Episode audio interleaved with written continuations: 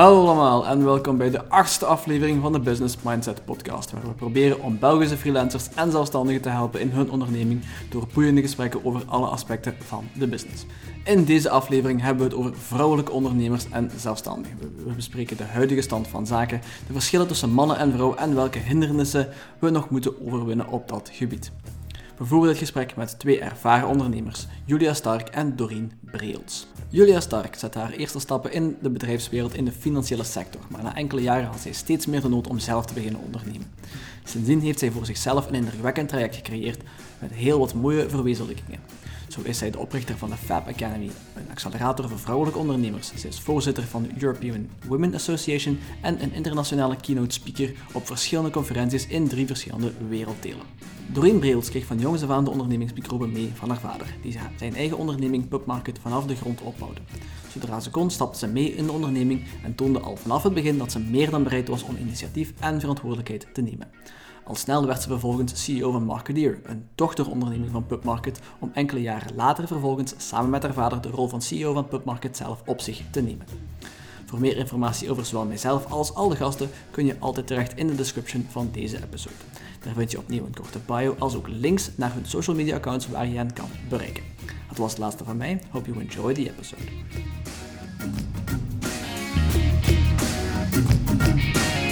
Ja, heel veel mama trekken en aandacht vragen, dat wel, ja.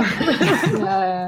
ja. Ja, doe, dat... doe, maar, doe maar. Sorry, we zijn jou aan het af... Uh... Geen probleem, geen probleem. Dat, uh, dat gebeurt. Um, ik heb, ik heb altijd zo'n paar dingen opgevangen en ik kan me er, kan me er helemaal bij, bij vinden. Uh, ik ben niet verhuisd, maar ik heb ook een grote tuin en het is, het is, het is een gigantisch voordeel dat die, dat die kleine even naar buiten kan gaan en daar even de energie kwijt kan.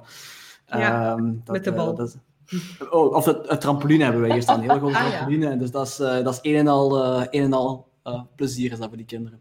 Ja. Nee, goed. Um, we zullen iets, dus, het iets over iets serieuzer hebben. Hè? Dan, dan, dat is uiteindelijk waar, waar we hier voor zijn. Um, ja, ik ga, jullie, uh, ik ga beginnen met jullie heel, heel hartelijk welkom te heten en heel hartelijk te danken voor, uh, voor jullie tijd die, jullie hiervoor vrijmaken. Ik vind het, uh, ik vind het heel leuk. Um, het is een beetje, een beetje, beetje raar.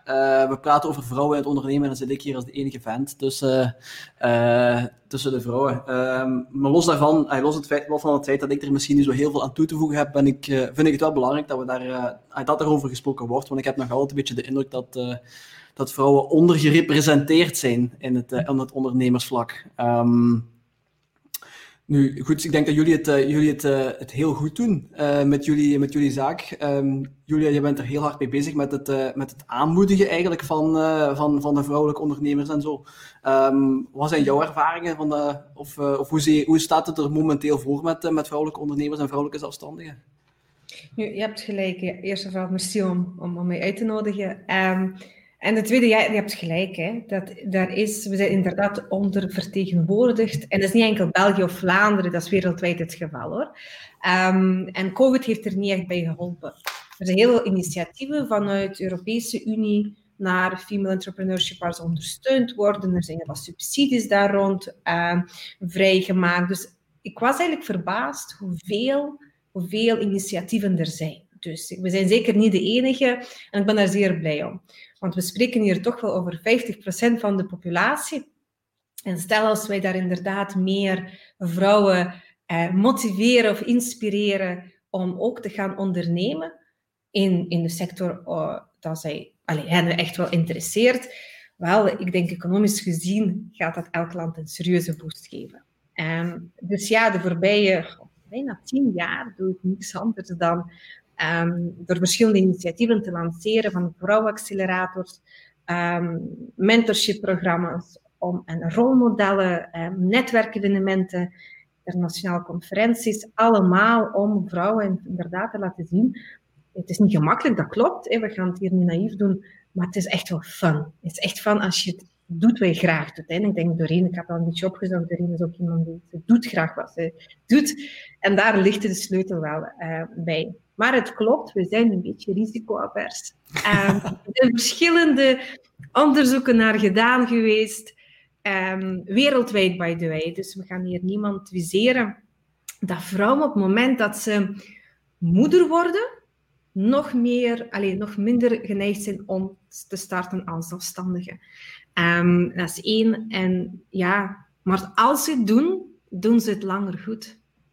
En dat is het mooie eraan. En ik zie dat in, in heel veel landen er heel veel initiatieven worden opgezet met heel veel mentorship en begeleidingsprogramma's, waarbij vrouwen eh, voldoende tools krijgen en de risico wordt voor een stuk ingedekt om het toch te gaan doen, want ze weten, ze zijn veel sustainable dan uh, misschien mannelijke collega's. En ik weet niet of bij Doreen haar verhaal was, maar uh, ik denk dat je dat wel kan terug herkennen dat, uh, ja, we zijn wat meer risicoavers, maar that's fine. Daardoor werken wij ook wel misschien wel langer uh, in hetgeen wat wij doen. Hè.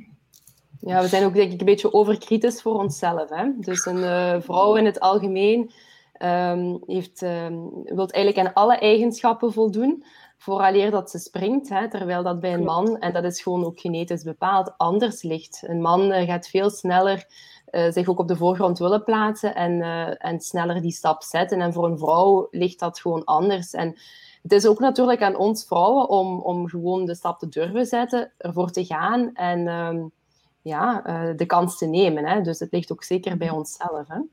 En ik vind het wel mooi dat je dat zegt, Doreen, dat het ook bij ons ligt. Hè? Want ik ben een beetje um, soms moe. En je hoort um, sommige verenigingen, groepen, ze van ja, het ligt aan de maatschappij en de mannen en, het glazen plafond, maar op. Ik, oh, ik ontken dat zeker niet. Wat ik wel mooi vind, is dat wij ook als vrouw die verantwoordelijkheid mogen nemen. Ik heb samengewerkt aan Google-programma, dat heet Google Will.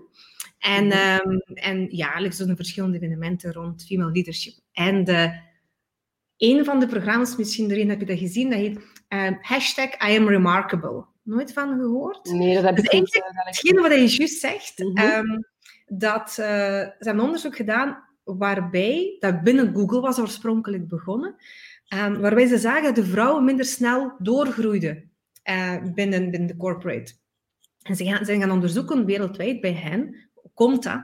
En effectief, de reden bleek te zijn, een vrouw wil eerst aan alle criteria voldoen vooraleer zij voor een, ja, een promotiegesprek zou gaan.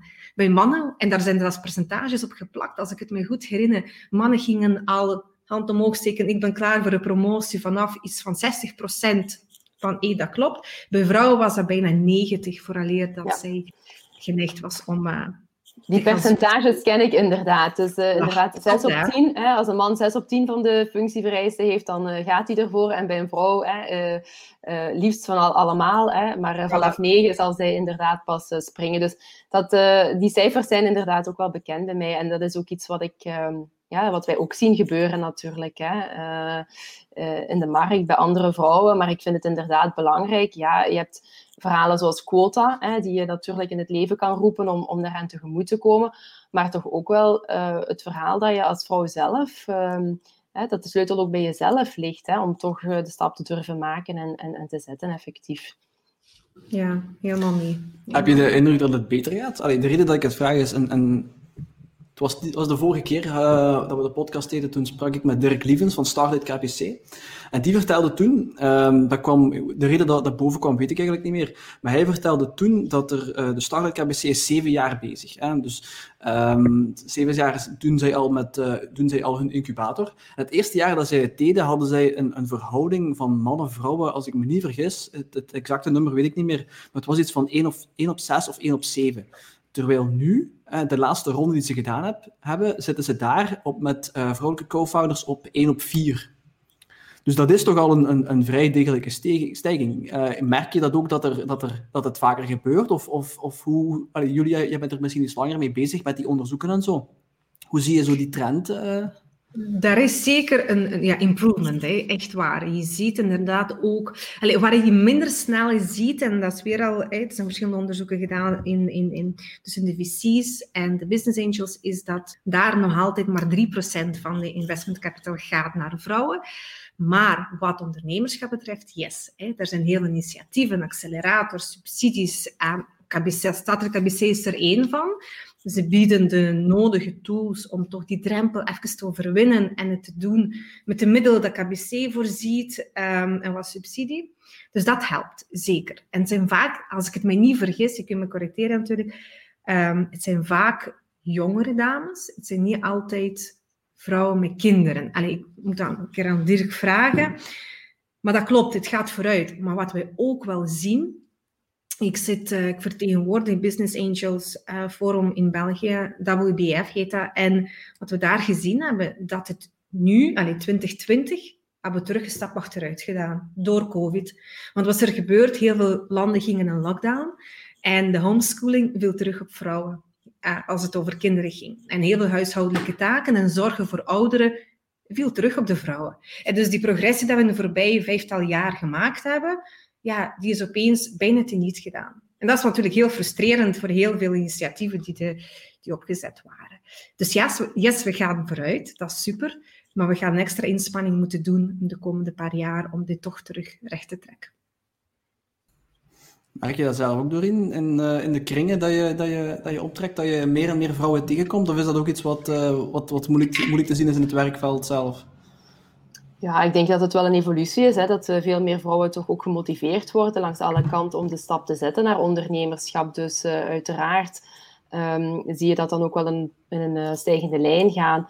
Maar het probleem is uiteraard van hè, de zorg voor je gezin, um, dat dat vanuit de natuur toch iets is wat de vrouw um, meer op zich zal nemen. En dat maakt het natuurlijk voor vrouwelijke ondernemers die er vandaag zijn ook niet altijd gemakkelijk. Hè. Het is eigenlijk continu de struggle tussen één, uh, je job die je goed wilt doen, maar anderzijds toch ook wel het, um, ja, het, het negatieve gevoel dat je dan krijgt als je dan weer net iets minder met je kinderen bezig bent het zit voorgeprogrammeerd in ons uh, eh, DNA dat uh, de vrouw toch degene is die uh, daar het meest misschien aan de kar moet trekken in de zorg naar de kroost toe. Maar ik zie natuurlijk, ik zelf heb het geluk om, om daar ook wel een man te hebben die dat op zich niet erg vindt, hè, dat de vrouw ehm, misschien iets meer op de voorgrond staat. Hè, want dat is ook wel iets, dat is een kans die je dan moet hebben.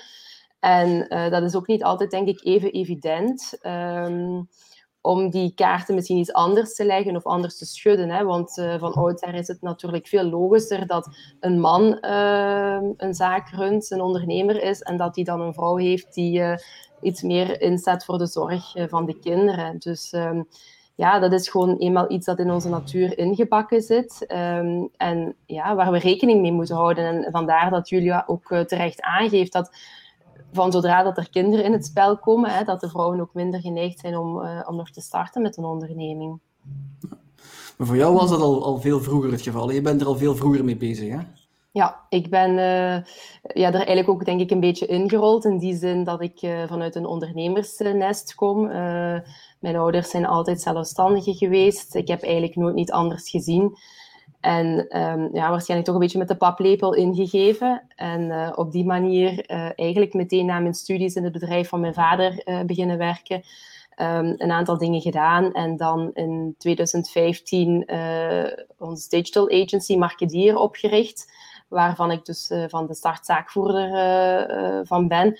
Maar dus sinds 2019 ehm, ben ik ondertussen ook CEO van, van PubMarket. Hè. Dus het bedrijf dat mijn vader destijds heeft opgericht. Weliswaar samen met mijn vader, want hij is nog altijd actief in de vennootschap. Maar voor mij is het inderdaad een evolutie geweest vanuit ja, een gezin van zelfstandigen, uh, ondernemerschap denk ik ook in het bloed. En eigenlijk zoiets van, ja, dit is wat ik wil doen. Ik heb me daar eigenlijk ook verder weinig vragen over gesteld of daar ook niet echt veel barrières rond gezien. En um, ja, um, ik ben iemand, ik ben daar dan ingestapt, ik ben daarmee verder gegaan en ik zou eigenlijk in, ja, niet weten wat ik anders zou doen. Dus ik denk, hoe dan ook, als het bedrijf van mijn vader er niet was, dat ik uiteindelijk ook wel uh, een ondernemer was geworden. Dat, dat zit in mij, dat is iets wat ik graag doe, waar ik heel veel voldoening ook uit haal. En wat uiteraard niet altijd gemakkelijk is, hè, dat is de logica zelf, maar wel iets wat, um, ja, wat, wat op mijn lijf geschreven is, zou ik zeggen. Of, of waar ik toch wel met heel veel plezier elke dag mee bezig ben. Was er iets ja, waar je vader niet bewust... Sorry, doe maar Julia, doe maar. Nee, ik denk inderdaad, het, het is de aard van het beestje. Ja. Um, en je kunt inderdaad van, van eerst geen koerspaard maken, maar het helpt als dat in je zit. En dan met de juiste rolmodellen, vader, moeder of andere onderneemsters, geeft het eigenlijk wel echt wel een boost. Dus het, is inderdaad, het, ligt, het moet waarschijnlijk een beetje in je liggen. Anders denk, hou je dat niet vol. Nee. Mhm. Zeker als corona of, of, financiële crisis er is, ja, dan is het heel eng. Hè? Ja. ja. dat is ook zo. En ik ben ook wel altijd, hè, want langs de ene kant zeg je, ja goed, het ligt inderdaad eh, vanuit het gezin, hè, de familie waarin je bent opgegroeid. Maar uh, eigenlijk heb ik dat ook telkens gemerkt. Ik was dan aan de slag, in begin gewoon in loonverband. Maar dan merk je eigenlijk dat dat zich opdringt en dat je eigenlijk zelf die gesprekken aangaat van ah, papa, misschien toch uh, dit en dat. En, en misschien moeten we daarop inzetten. En, en, en dat het ondernemerschap gewoon toch wel naar boven komt. En ook in die mate dat, dat mijn vader dat ook altijd heel goed heeft aangevoeld. En eigenlijk ook degene is geweest die wel op tijd ja, die ruimte heeft willen maken hè, voor mij. Hè, om ook aan te geven van kijk, hè, we kunnen uh, dan misschien hè, de digitale poot opstarten. Uh, mij die kansen heeft gegeven. En, en nu ook uh, in het verhaal van Pubmarket eigenlijk degene was die zei van Doreen, ik merk hè, dat je weer aan het volgende toe bent. Dus kijk, ik wil je die kansen ook wel geven. Dus je merkt wel, ja, het is enerzijds ergens, hè, de, de, misschien wat mij betreft, um, een beetje spontaan gegroeid, omdat ik uit dat gezin kom van ondernemerschap. Maar langs de andere kant zit het inderdaad ook in je DNA, want um, het is, ik heb het ook telkens, denk ik, zo een beetje naar voren geschoven van, ik uh, ben klaar voor het volgende en let's do this. Dus ja, um, het moet in je zitten, anders dan, dan doe je dat niet, dan kan je dat ook niet blijven volhouden. En dan, ja, dan, dan werkt het ook gewoon weg niet, hè. Nou, en dat je je vader heeft je daar nooit in moeten duwen dan, als ik het goed begreep. Want dat was mijn vraag daarnet, maar je hebt, je hebt het eigenlijk al, al half, eh, half Misschien half, eerder moeten temperen, zou ik zeggen. maar uh, nee, nee, um, nee, dat is ook zo. Hij heeft me daar nooit in moeten duwen. Het was ook een, een keuze die ik zelf uh, gemaakt heb om überhaupt in het bedrijf van mijn vader te gaan werken. Iets wat ik eigenlijk voor mijn, um, voor mijn studie al... dus ik heb mijn studie gedaan, ik heb TW gestudeerd en dat was eigenlijk ook met het idee van ik ga dat doen. Ik ga ook specialiseren in marketing en in in uh, alles wat te maken heeft met communicatie, met, uh, met strategie. Um, en uh, het idee was wel effectief. En als ik dat diploma heb, dan ga ik in het bedrijf van mijn vader werken. Ja. Dus dat is altijd iets wat ik op een of andere manier wist, wat ik wou. Um, en, en waar ik ja, mij ook altijd heel goed in heb gevoeld. Het is echt iets waar ik... Um, het is mijn passie, hè, hetgeen dat ik vandaag kan doen als, als, als, als shop. Hè. Communicatievlak, bedrijven helpen groeien... Uh, door het inzetten van de juiste strategische communicatie, dat is iets waar ik heel veel energie van krijg. En um, ik zeg het, het is niet, uh, ik zou echt niet kunnen bedenken wat ik eigenlijk anders zou doen. Uh, dus dat maakt het wel mooi en dat is fijn dat die puzzelstukken natuurlijk ook zo in elkaar vallen. En dat het misschien ook wel geen teleurstelling is geweest. Hè? De keuze die ik twaalf jaar geleden heb gemaakt om een bedrijf te starten, dat is iets waar ik, allez, waar ik nog altijd 300% achter sta. Ja. Denk je dat dat bij, bij heel veel uh, jonge meisjes dan vooral afgeremd wordt? Zo van, doe jij maar dit, doe jij maar dat. Allee, mijn, vriendin bijvoorbeeld, die heeft dat, zij zelf niet, maar, haar moeder bijvoorbeeld, dan zitten we er uiteraard alweer een generatie terug, die had dat bijvoorbeeld wel. Dus, dus heel, al haar broers mochten gaan studeren, terwijl, terwijl haar, haar moeder tegen haar zei, dus de oma zei dan tegen, tegen de dochter van, gaat jij maar, gaat jij maar secretaresse worden van de KVLV bijvoorbeeld? Allee, dat was zo'n beetje dat was een beetje het, het, uh, hetgeen waar zij goed genoeg voor was, zo gezegd. En, en ik heb het altijd een beetje een rare gedachtegang gevonden. Die nogmaals, dat, zijn, hè, dat is een generatie terug, uh, een andere generatie dan wij. Maar denk je dat er nog altijd veel, veel gebeurt? Dat, dat, dat, we, dat, we, dat, dat mensen denken, ouders denken voor meisjes, uh, dat, dat ondernemen niks voor hun is, dat ze, dat ze niet gestimuleerd worden om in die richting te gaan? Ik denk, weet je, ik denk dat we dat moeten in perspectief zien. Hè? Als we het spreken over een generatie of twee generaties terug, na de oorlog heel veel mannen dood. De vrouwen bleven achter met hun kinderen.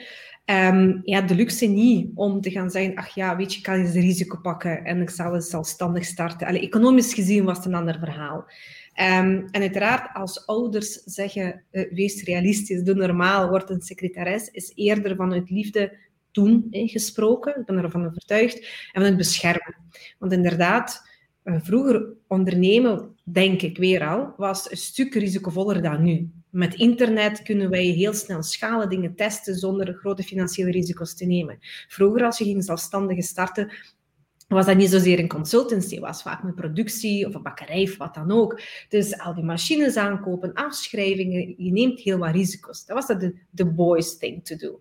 Um, en dan had jij als vrouw de verantwoordelijkheid om ja, voor kinderen te zorgen en een huishouden je had ook niet de luxe en financiële middelen in de middenklasse toen om een poetshulp uh, te, nemen en, en jou te ondersteunen, dat proces.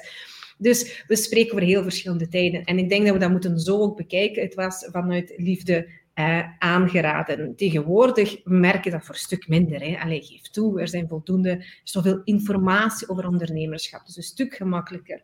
Um, goedkoper geworden. Um, informatie is overal. Dus het is niet zoals vroeger dat jij uh, dat moest kopen.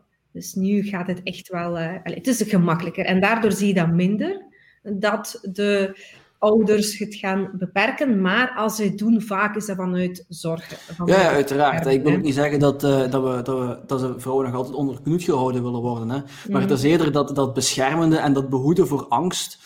Uh, uh, angst van de ouders, eigenlijk voor de ouders een goed gevoel te geven, terwijl ik zoiets heb van, eigenlijk, de, allez, er is intellectueel gezien zeker is er geen enkel verschil tussen een man en een vrouw. En hetgeen wat een, een man kan, elke vrouw kan, kan hetzelfde bereiken. En toch, ja, de verschillen zijn er, zijn er klaar en duidelijk. Hè? Dus we hebben het daar straks al even gezegd, er zijn een heel grote verschillen in aantallen. Um, en uiteraard kinderen speelt daarin mee en noem maar op. Maar, maar toch blijkt dat dat, dat, dat, ja, dat, dat niet, niet weggelegd is voor vrouwen, of dat veel vrouwen zich daar niet toe geroepen voelen, ik zal het zo zeggen, die, uh, om die stap te wagen. Um, dus ja vraag me gewoon af in, welke mate dat, dat, dat nog altijd ondergestimuleerd wordt, ik zal het zo zeggen, bij, bij, eh, bij de vrouwen onder ons. Ik denk niet dat dat op dit moment echt alleen nog speelt. Ik denk dat het, dat het misschien eerder zo is dat, um, dat je misschien in een gezin uh, opgroeit waar ondernemerschap minder um, belicht wordt en, en waar mensen iets meer misschien risicoavers zijn en eerder iets hebben van kijk, ga gewoon ergens werken in een bedrijf, hè, zorg dat je hè, voor standvastigheid gaat, een goed loon, hè, dat je je gezin kan onderhouden en dat je een goed leven hebt en, en, niet te veel um, kopzorgen. En of dat dan is naar een dochter toe of naar een zoon toe, ik denk dat dat vandaag redelijk in lijn ligt. Ik heb niet het gevoel dat meisjes, jonge meisjes, nog altijd door ouders uh, aan zich behoed worden voor ondernemerschap. Het is eerder, denk ik, een algemene iets wat naar je beide kinderen kan leven. En natuurlijk, gezinnen die, um, die ondernemersgezinnen, ja, die gaan dat meer stimuleren, gaan ondernemerschap over de generaties heen meer stimuleren.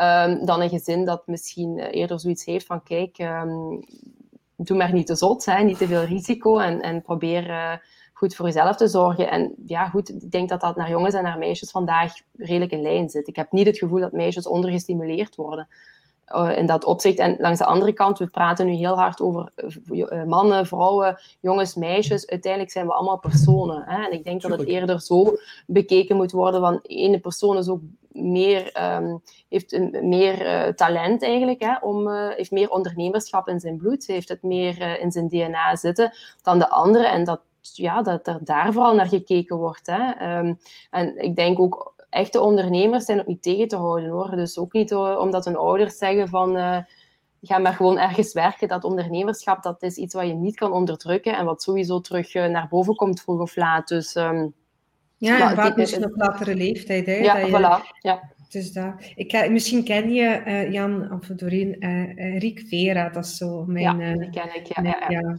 vriend, mentor, met wie ik heel graag, ik noem dat Soulstorm. En zijn carrière is ook, als ik het me goed herinner, begonnen als leraar. Hij was Germaans, heeft gestudeerd en dan is gaan um, lesgeven en na een paar jaar was de school opgedoekt. En hij moest dan in de corporate wereld en van daaruit uitgegroeid naar ondernemer op latere leeftijd vrij succesvol. En uh, dus uh, ja, vroeg of laat komt het eruit. En ik denk dat we ook verschil moeten maken, uh, naar je vraag toe, waar. Hè? In bepaalde landen, bepaalde culturen is dat wel nog steeds het geval. Hè? Mhm. Vlaanderen, inderdaad, zijn we een stukje verder daarin. Maar um, sinds dat we European Women Association opgericht hebben, dat is een platform, een nationaal platform voor professionele organisaties en hun leden, een netwerkplatform, Amai, wat daar naar boven komt rond um, netwerken in Saudi-Arabië, uh, vrouwen daar en hier is anders, hè. Uh, zelfs uh, in Oost-Europa of hier technische profielen en schaalbaarheid van bedrijven. Dus je ziet dus heel wat culturele verschuivingen daarin. Um, internet helpt om wat opener daarin te zijn, maar cultuur speelt een rol. Ja. Timing uiteraard, maar cultuur, dat is wel nog altijd het geval in bepaalde landen dat je verwacht wordt om, uh, om uh, mama te zijn. En ja, dat is tijd. Dat we dat ook niet mogen onderschatten, hè, want we praten hier inderdaad over de situatie hier in Vlaanderen, waar wij denk ik... Um, waar er al heel veel kan en, en waar dat steeds meer in die richting ook groeit. Dat, dat mannen, vrouwen, dat dat allemaal gelijk is en, en dat vrouwen mm. evenveel kansen krijgen als mannen. Maar niet vergeten inderdaad wat Julia zegt. Hè, er zijn nog zoveel landen um, waar dat helemaal niet het geval is. Hè. Dus um, ja, zeker terechte opmerking. Nou, ik denk dat we op dat vlak heel bevoorrecht zijn dat, het, uh, dat wij al zo ver gekomen zijn dat we, dat we tot op dit punt ja, ja, eigenlijk het, in theorie zou het onderscheid er niet meer mogen zijn. Uh, ondanks het feit dat we toch nog altijd uh, jaarlijks uh, etterlijke krantartikels zien voorbij komen waarin staat dat de, de lonen nog niet gelijk zijn of, of dat soort zaken. Dus ik denk, ik denk dat we al een hele lange weg afge afgelegd hebben, maar dat we er nog lang, nog lang niet, niet zijn waar we zouden moeten zijn. Maar goed, stap voor stap. En weet je, ik denk het ook een stukje, ja, hè, de achtergrond, maar ook de, het land waar je woont bepaalt voor een stuk hoeveel slaagkans je hebt als onderneemster. Um, ik geef je een voorbeeld. Uh, bijvoorbeeld in België, hey, start het KBC of andere subsidies die er zijn, Corda Campus met hun incubators. Dus er zijn heel wat initiatieven waar man en vrouw welkom is. Maar dan kom ik terug bij het verhaal van Doreen. Die zegt, ja, uh, ik ben blessed met een relatie waarbij mijn partner het niet erg vindt om mee te helpen en voor kinderen te zorgen. En dat is inderdaad iets um, wat je niet in elk land of cultuur ziet. Hè? Want uh, ik spreek nu voorbeeld um, Oost-Europa, waar het een beetje meer macho-cultuur is, waar man niet per se voor de kinderen gaat zorgen, omdat jij per se je eigen zaak wilt uh, starten. Dus als je het wilt doen, zorg dat er uh, oma of opa is. Maar ik zal het toch niet doen. Dus dat, dat speelt nog. Ik hoop dat binnen een paar generaties niet meer het geval is. En ik moet eerlijk toegeven, ik kon ondernemen, ik kan ondernemen dankzij mijn partner. Zonder hem, met twee kinderen, eh, ik sta niet op drie uur dertig aan de schoolpoort meestal. Nu met COVID wel, maar daarvoor dus was, ik meer aan het reizen dan dat ik in België zat. Dus je moet daar ook inderdaad een netwerk hebben van mensen, moeder, partner of babysit of eender wie, die je ook daarin ondersteunt. En plus de overheid die het economisch mogelijk maakt om bepaalde loopbaanonderbreking te nemen of een uitkering. Wacht, wat was dat niet meer? Bij VDIB heb je een aantal programma's, Springplank of zo heet dat, waar je dus kan een jaar of anderhalf jaar lang op kosten van de overheid ondernemerschap uittesten. Hè? Ik denk van, geloof, ik geloof dat een, een vrouw, de, de, vrouw van een vriend van mij, die, die doet dat inderdaad. Ja, die heeft, eh, ja het is 18 maanden. Je, wordt, je, je, krijgt een uitkering. Je moet niet gaan solliciteren. Je krijgt opleiding ook nog eens erbij. En mentorship. Dus wij zitten hier in België echt wel in een luxe positie. En uh, we klagen wel wel graag. Maar toen we kijken eens rond. Um, echt niet. Het is echt niet oké okay om te gaan klagen. En soms moet gaan vergelijken en inzien. We zijn het verdorie goed bezig hier in België denk, uh, denk grosso modo uh, hebben, we het, uh, hebben we het inderdaad wel, wel vrij goed. Um, hoe, hoe ervaar je zo de, de, de interacties met andere zaakvoerders en dergelijke? Is dat, is dat een verschil als je met een man of een vrouw interageert? Is, is, dat anders? Of, of krijg je nog altijd zo'n beetje af en toe zo de, de, de, de macho-cultuur hier in België over je als je, als je zo, als je zo zaken doet? Ik zelf persoonlijk heb daar heel weinig last van, maar dat is misschien ook mijn ingesteldheid. Hè? Want eh, ik, zoals ik er straks al zei, ik doe zaken met andere mensen. En voor mij, hè, of dat dan een man of een vrouw is, is voor mij minder belangrijk. Hè? Eh, uiteraard heb je, is het zo dat mannen anders zijn hè, van nature uit dan, uh, dan de eigenschappen die een vrouw van nature uit bezit. Um, dus ja, uiteraard zal dat anders zijn, maar evengoed heeft ieder ook uh, zijn persoonlijke kenmerken. Dus of je nu een man bent of een vrouw bent, uiteindelijk, hè, we zijn allemaal individuen en het is altijd anders om met de ene persoon dan wel met de andere samen te werken. Um, ik vind ook in het algemeen dat er toch wel, ook voor vrouwelijk ondernemerschap, ook vanuit mannen, heel veel uh, respect ook uh, komt. Uh, er zijn ook initiatieven die vrouwelijk ondernemerschap steunen en waar ook mannen zich achter scharen. Hè. Dus het is, het is niet meer zo, denk ik, dat dat um, met een raar gevoel bekeken wordt. Um, ik heb heel weinig situaties, moet ik zeggen, waar ik echt kan aangeven dat ja, dat ik me daar bij wijze van spreken eh, onheus in behandeld zou gevoeld hebben. Helemaal niet. En je moet ook, ze zeggen, je moet je mannetje staan. Ja, kijk, je moet uh, gewoon een, uh, staan als ondernemer. Of je dan een man of een vrouw bent. Ik denk niet dat dat echt dat dat veel verschil uitmaakt. En zoals ik zeg, ja, het respect wel. Hè. Dus er zijn heel veel mannen die ook wel inzien van, amai, hè, een jonge onderneemster, mama van twee kindjes, een zaak runnen die, dat, die daar eigenlijk heel veel lof over geven en heel enthousiast over zijn en dat echt wel aanmoedigen uh, dat dat effectief gebeurt. Dus, um, maar ik zeg het, ik denk dat dat ook te maken heeft met mijn ingesteldheid. Uh, ik ben niet iemand die ja, zo overgeëmancipeerd en, en omdat ik een vrouw ben, dat ik me anders moet gedragen. Nee, ik ben gewoon een ondernemer en toevallig ben ik inderdaad ook een vrouw. Maar voor de rest uh, maakt dat voor mij eigenlijk heel weinig verschil. Ja. Zo zou het moeten uiteindelijk. Hè. Allee, dus, uh, uiteindelijk mag er geen verschil zijn of zou er geen verschil mogen zijn. Dus, um, ja, uh, maar het, feit dat we die vragen stellen, hè, wil zeggen dat het nog leeft. Het is ook ehm, zo, maar je hebt ook van die, van die, van die uh, prijzen, hè, Julia, uh, vrouwelijke ondernemer van het jaar en van die dingen allemaal op zich. Ik heb altijd zoiets van, aan de ene kant vind ik dat goed, omdat het, het, het stimuleert een beetje het ondernemen voor het vrouwen mm -hmm. en, zet, en het zet die, die weinige vrouwen die, er, die ondernemers zijn, zet het die een beetje in, in de kijker. Dus aan de ene kant is het goed, aan de andere kant heb ik zoiets van, waarom moeten we vrouwen nog altijd anders behandelen en anders beoordelen dan de mannen? Kunnen we niet gewoon zeggen, de ondernemer van het jaar? Uh, en af en toe zit daar een man bij, af en toe zit daar een vrouw bij. Dus ik heb daar altijd zo'n beetje een, een, een, gemengd gevoel bij als ik, eh, als ik zo die dingen zie op, uh, op, uh, op tv. Ik heb dat zelf ook. En daar zit zeker, ja. Dus, daar is wat waarheid in. Ik, ik volg jullie daar zeker allebei bij in. Dat is, ik had gisteren nog een call met een van mijn klanten. En ze zei van, goh, Julia, ik word weer al gevraagd om me te nomineren of dan ook voor een, voor een um, onderneemster van het jaar heb ik geen zin in. Ik ben wel bezig, maar omdat ze ook een familiebedrijf dat ze overgenomen had van haar vader in de bouwsector, dus totaal iets anders.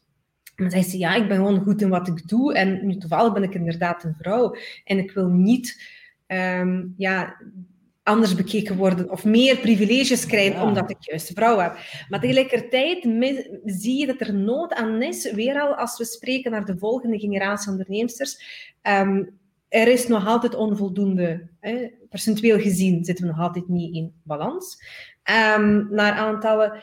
Dus door een vrouw in de picture te zetten um, en de community rond te bouwen, want ik denk, daar is een verschil in ondernemers, de manier waarop wij ondernemen, man en vrouw. Hè. We hebben het even gesproken over ja, risico durven nemen of geen risico, dat is één verhaal. Maar wat we in de voorbije bijna tien jaar gezien hebben, dat vrouwen uh, dat, dat dat sociaal aspect nodig hebben, de veiligheid om te gaan ondernemen en om business met elkaar te doen. En dat hebben we getest. We hebben verschillende platformen. Dus vooraleer wij met ons netwerkplatform op de markt kwamen, zijn we gaan kijken wat is er al. En er zijn geweldige Europese initiatieven waarbij dat je zich kan inloggen, opportunities zien. Dus welke handelsopportunities zijn er in Europa? Klik, deal of geen deal. En dan zeggen ze, jullie hebben een probleem. 90% van de users zijn mannen. Hoe komt dat? En ben ik zelf gaan kijken, ik vond het niet vrouwvriendelijk qua users experience. En dan zijn we gaan analyseren aan, aan wat ligt dat. Een klein voorbeeld. Heel veel van die uh, opportunities, business opportunities, waren anoniem.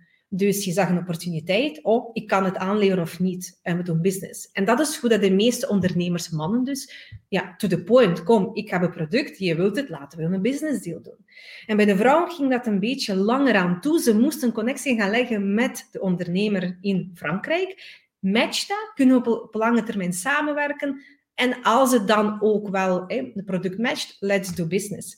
Dus er is een andere aanpak. En dat is wat wij ook nu gedaan hebben. We zeggen, kijk, we gaan eerder op social verhaal inzetten en business is het gevolg bij de matchmaking. En dat is een stukje wel dat wel speelt als we het gaan hebben over ben ik man of een vrouw.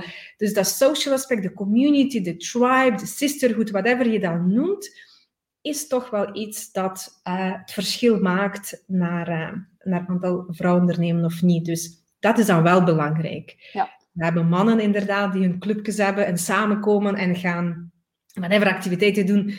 Wij mogen dat ook wel doen. Uh, en, ja, maar ik vind dat zeker positief, hè, dat die initiatieven er zijn. En ik denk ook absoluut dat dat belangrijk is, dat dat behouden blijft. voor de redenen die je zegt. Maar inderdaad, toch een beetje het gevoel als als vrouw zijn, maar ook als ondernemer zijn. Hè, het, het uh, verhaal dat jij uh, net vertelde van de bouwonderneming. Ik wil gewoon ondernemer zijn. Ik wil niet per se van, ah, nu krijg jij, hè, nu ben jij een vrouwelijke ondernemer. Want dan eigenlijk door dat woord uit te spreken, maak je eigenlijk precies al een bepaalde connotatie daarbij. Ja. Hè? Precies alsof wij een, een minderheid zijn. Hè? Zo een, een speciaal soort. Ja. ja, ik ben gewoon een ondernemer. Dat is uh, wat ja. ik ben. Hè? Um, en daar, daar dat is. naartoe. Vooral het, allez, dat is waar je naartoe wilt, inderdaad. Maar uiteraard zijn we daar nog niet. En vandaar dat die initiatieven zeker belangrijk zijn, absoluut. Ja, je wilt niet uit, uit medelijden een bepaalde erkenning krijgen of, of een... Of een dat, dat, is niet nodig. Hè. Je, wilt, je, wilt, eerlijk behandeld worden op basis van je, van uw, van uw prestaties en dergelijke. Hè. Dat is het, ja. Uh, ik heb, ik heb, oh, dat is heel lang geleden, ben ik naar een, naar een conferentie geweest. Um, en dat was toen voor developers. Dus dat ging over, over programmeren. En er was ook een, een vrouw die op het podium kwam en, en, haar ervaring als, als, als developer kwam, kwam vertellen. En zij zei ook van, ja, kijk, als, we, als er code reviews gebeuren, dan uh, zit het hele team samen en ze geven eigenlijk kritiek op de code die, die geschreven is.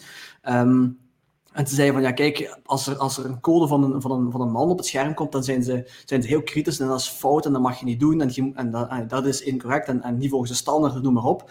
En als haar code dan uh, op, het, op het scherm kwam, dan was het eerder zo van, ja, misschien zou je dat toch een klein beetje anders kunnen doen. Oh, zo, positieve discriminatie. Ja, allee, aan de ene kant snap ik het wel, van, van eh, we, willen, we willen niet te hard zijn voor, voor de, de ene vrouw in ons gezelschap, maar aan de andere kant heb ik het van, ja, doe gewoon voor iedereen hetzelfde. En, en, en ik denk dat je daar uiteindelijk nog het, het beste resultaat mee gaat, uh, gaat bereiken. Op, op lange termijn sowieso. Hè. Dat, uh, één, je wordt niet uitgesloten. Uh, niet negatief, maar ook niet positief uiteraard. Dus, um... Maar ja, ehm, daar, in, in de developmentwereld, dat is denk ik nog... En daar zijn echt wel de minority uh, nog sowieso, altijd. Sowieso. Um, maar inderdaad, ik geloof wel dat de technologie en artificial intelligence... En als we de bias eruit gaan halen, maar dat dat wel de gender equality zal bevorderen. Dat er geen, allez, de robot of een programma, ma, daar maakt niet uit of ik een vrouw of een man ben. Dus ik geloof oprecht dat we binnen een paar generaties deze gesprekken niet meer gaan hebben. Gewoon omdat technologie zo snel evolueert en dat het totaal niet uitmaakt. Maar tegelijkertijd merk je wel dat we hebben een heel klein percentage van developers vrouwen. Toevallig ben ik nu met een project bezig rond Women in Tech Um, en gisteren had ik connectie gelegd met een van de grootste communities in Oost-Europa, waarbij, um, dat is komiek, uh, alle developers vrouwen zijn. Dat is echt, geweldig. Ik heb het nog nooit gezien, dus gisteren heb ik ze een mailtje uitgestuurd voor een interview. Want ik vond het wel geweldig, want heel veel van onze partners in Nordic countries, um, die zoeken naar female developers. Omdat ze toch wel inderdaad aan die quota ergens willen geraken. En het is bewezen dat uh, vrouwen in jouw team, bijvoorbeeld het developersteam, zorg, zorgen voor innovatie en creativiteit. Dus die diversity in teams, super, super belangrijk. En vandaar dat het misschien nu nog een beetje extra positief gediscrimineerd wordt, zeker in de sector waar jij in zit. Um, dat mag gewoon vanuit de bigger picture. Als ik een vrouw heb, dat verandert die dynamiek. Um, wordt anders naar je code bekeken. Uh, de users-friendliness van eindproduct die 50% of vrouwen zijn, um, wordt positief beïnvloed door de vrouwelijke developer. Dus aan de end goal mm, moeten we toch inderdaad ergens nog een beetje flexibel zijn. Dat is mijn persoonlijke overtuiging, om richting innovatie te gaan. Ja. Ik denk ook, ik weet niet meer waar ik het juist ergens gelezen of gehoord heb, maar alleszins ook dat, dat vrouwen op andere plaatsen de nadruk leggen dan mannen. En dat je daardoor een meer afgerond geheel krijgt. Zeker als je, als je bezig bent met een productontwikkeling. Hè, dat je, dat je, eh, mannen, mannen denken eerder probleemoplossend, terwijl vrouwen een, een andere types een andere gedachtegang hebben. En, en op die manier krijg je daar ook een beetje een, een, ja, een voller product, om het zo te zeggen, beter afgewerkt, wat uiteindelijk uh, de eindgebruiker ten goede komt. Hè. Of dat, uh, dat zou, toch, zou toch de bedoeling moeten zijn. Dus, ja. Is ook zo. Dat stukje de, de, product development waar vaak nog steeds technisch gezien door, door ja, mannen gedaan wordt. Heel linear thinking, heel praktisch, to the point. Waarbij een vrouw heel de customer experience belangrijk vindt. Hoe wordt ze behandeld? Welk gevoel? En hoe mooi in design? Is het design wel leuk? En is het gemakkelijk? Oh, als we naar Apple gaan, of is het echt wel complicated? En voor een mannelijke brein misschien heel logisch, maar dan voor mij totaal niet. Dus het stukje diversiteit, los van gender, hè, dus we hebben het wel over geslacht, maar uiteraard heeft ook te maken met background. Um, heel veel teams zijn vaak nu internationaal. Hè? Als, mm. als het gaat over development teams, de ene zit in, in, in India, iemand zit in, in, in Oekraïne en een derde in België. En dat creëert wel een, uiteindelijk een mooi eindproduct, als het juist ingezet wordt. Hè. Ja, sowieso. Um, misschien eens even terugkomen op wat we daarnet zeiden. Jullie spraken van jullie partners die jullie uh, toch vrij goed ondersteunen in, uh, in het hele verhaal. Um, was dat, is dat iets wat organisch gegroeid is? Of, of uh, is, dat, is daar vooral over gepraat, over, over dat, je, dat je je carrière wilde verder zetten? Of, of hoe is dat gelopen? Bij mij was dat denk ik Allee, ik zeg altijd, uh, en, en daarom moet ik me nu ook niet schuldig voelen. Voorhand, hè, wat er aan de hand ging met mij, zeg ik dan altijd. ik heb hem niet voorgelogen. Hè, of uh, op het einde van de rit gezegd van, hè, uh, nu ga ik ineens ondernemer worden. Dus toen we elkaar hebben leren kennen, toen, um, ja, ik denk dat dat toen al heel erg duidelijk allemaal was. Dus um, ja, dat is dan organisch een beetje gegroeid. Nu, eh, voor alle duidelijkheid, ik zorg ook wel voor mijn kinderen. Hè, dus ik denk dat dat dan misschien als, vrouwelijke ondernemer, dat, je dan, ja, dat dat iets anders is. Ik denk dat heel veel mannelijke ondernemers misschien hè, eerder 100% bijna focus hebben op uh, het bedrijf. Uh, al is wel heel extreem, maar hè, dus nog meer eigenlijk volledig voor die job En een vrouw, omdat ze eigenlijk vanuit haar natuur toch hè, dat, dat moederschap, dat zorgende in haar heeft, kan, kan dat natuurlijk niet volledig loslaten. Hè. Dus uh, ik denk bij onze situatie is het eerder van, ja, ik ben er uiteraard ook voor de kinderen, maar ik kan gewoon heel veel beroep doen op mijn partner. Um, en hij vindt dat ook oké. Dus het is niet dat we echt een hele omgekeerde situatie hebben, waarin hij bij wijze van spreken de huisman is hè, en ik uh, uh, de ondernemer. Um, zo, in, in, die extreme zitten we niet. Hè. We zitten daar ergens tussenin. Want mijn man werkt ook trouwens mee in het bedrijf.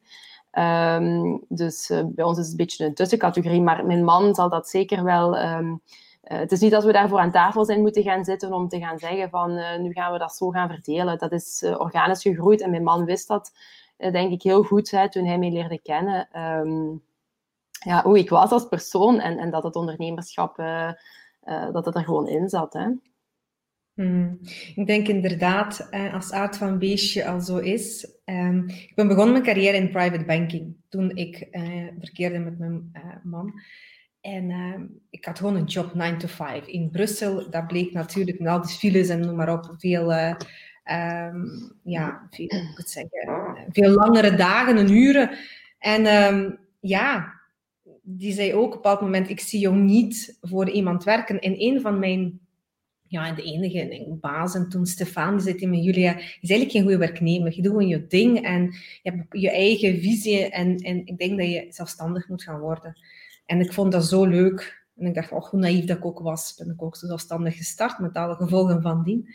Maar mijn man verwacht het ook blijkbaar. En voor mij was het van, wauw, ik ga het doen. Hij zegt, ja, het was een kwestie van tijd. We hadden toen nog geen kinderen. Dus dat was voor een stuk gemakkelijker. Maar ja, denk dat je partner heel goed moet. Uh, als je elkaar goed kent en open kan communiceren, dat helpt. En um, durven dingen op tafel leggen en verwachtingen vaak uitspreken. Van kijk, de komende maanden worden intens. Kunnen we, ja, weet dat gewoon. Hoe, hoe, hoe kunnen we dat leefbaar maken? Zeker als je met iets nieuws start. Um, ja, dan, dan helpt dat wel voor een stuk. Dus voor ons was het, moet ik het zeggen, um, inderdaad, zelfs bij jou, Doreen. En je wist welk beest dat je vast had, maar dan ook de gevolgen daarvan. Hè? Dat dat mhm. niet uh, de normale 9-to-5 uh, eh, job wordt en dat het nooit genoeg is. Met alle, ja, dat het meer, je wilt meer, je wilt groeien als mens, als onderneemster. En ik heb ook geleerd dat het gaat niet over uh, de, de, de hoeveelheid tijd die je doorbrengt met je kinderen. Ik heb geleerd inderdaad, ik zorg voor poetshulp, ik zorg iemand die kookt en strijkt. En mijn man die kinderen van school kan halen, maar dan een paar uurtjes samen eten in bed doen, dat is mijn quality time. En dat is wanneer ik mama ben. En COVID heeft ervoor gezorgd dat, ik al sinds veel meer en langer mama kon zijn. Ik ben minder op weg, meer thuis.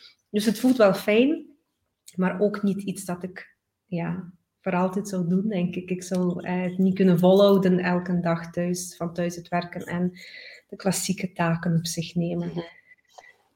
Ik denk dat het ook wel te maken heeft met hoe leiderschap geëvolueerd is. Hè. Vroeger was het zo als ondernemer, um, ja, hè, dag en nacht werken. Uiteraard heb je die tijden vandaag ook nog wel altijd voor een stuk, maar je werd ook als ondernemer geacht, denk ik, hè, om, om er altijd te zijn, altijd op de zaak, altijd als, als eerste, als laatste en zo verder.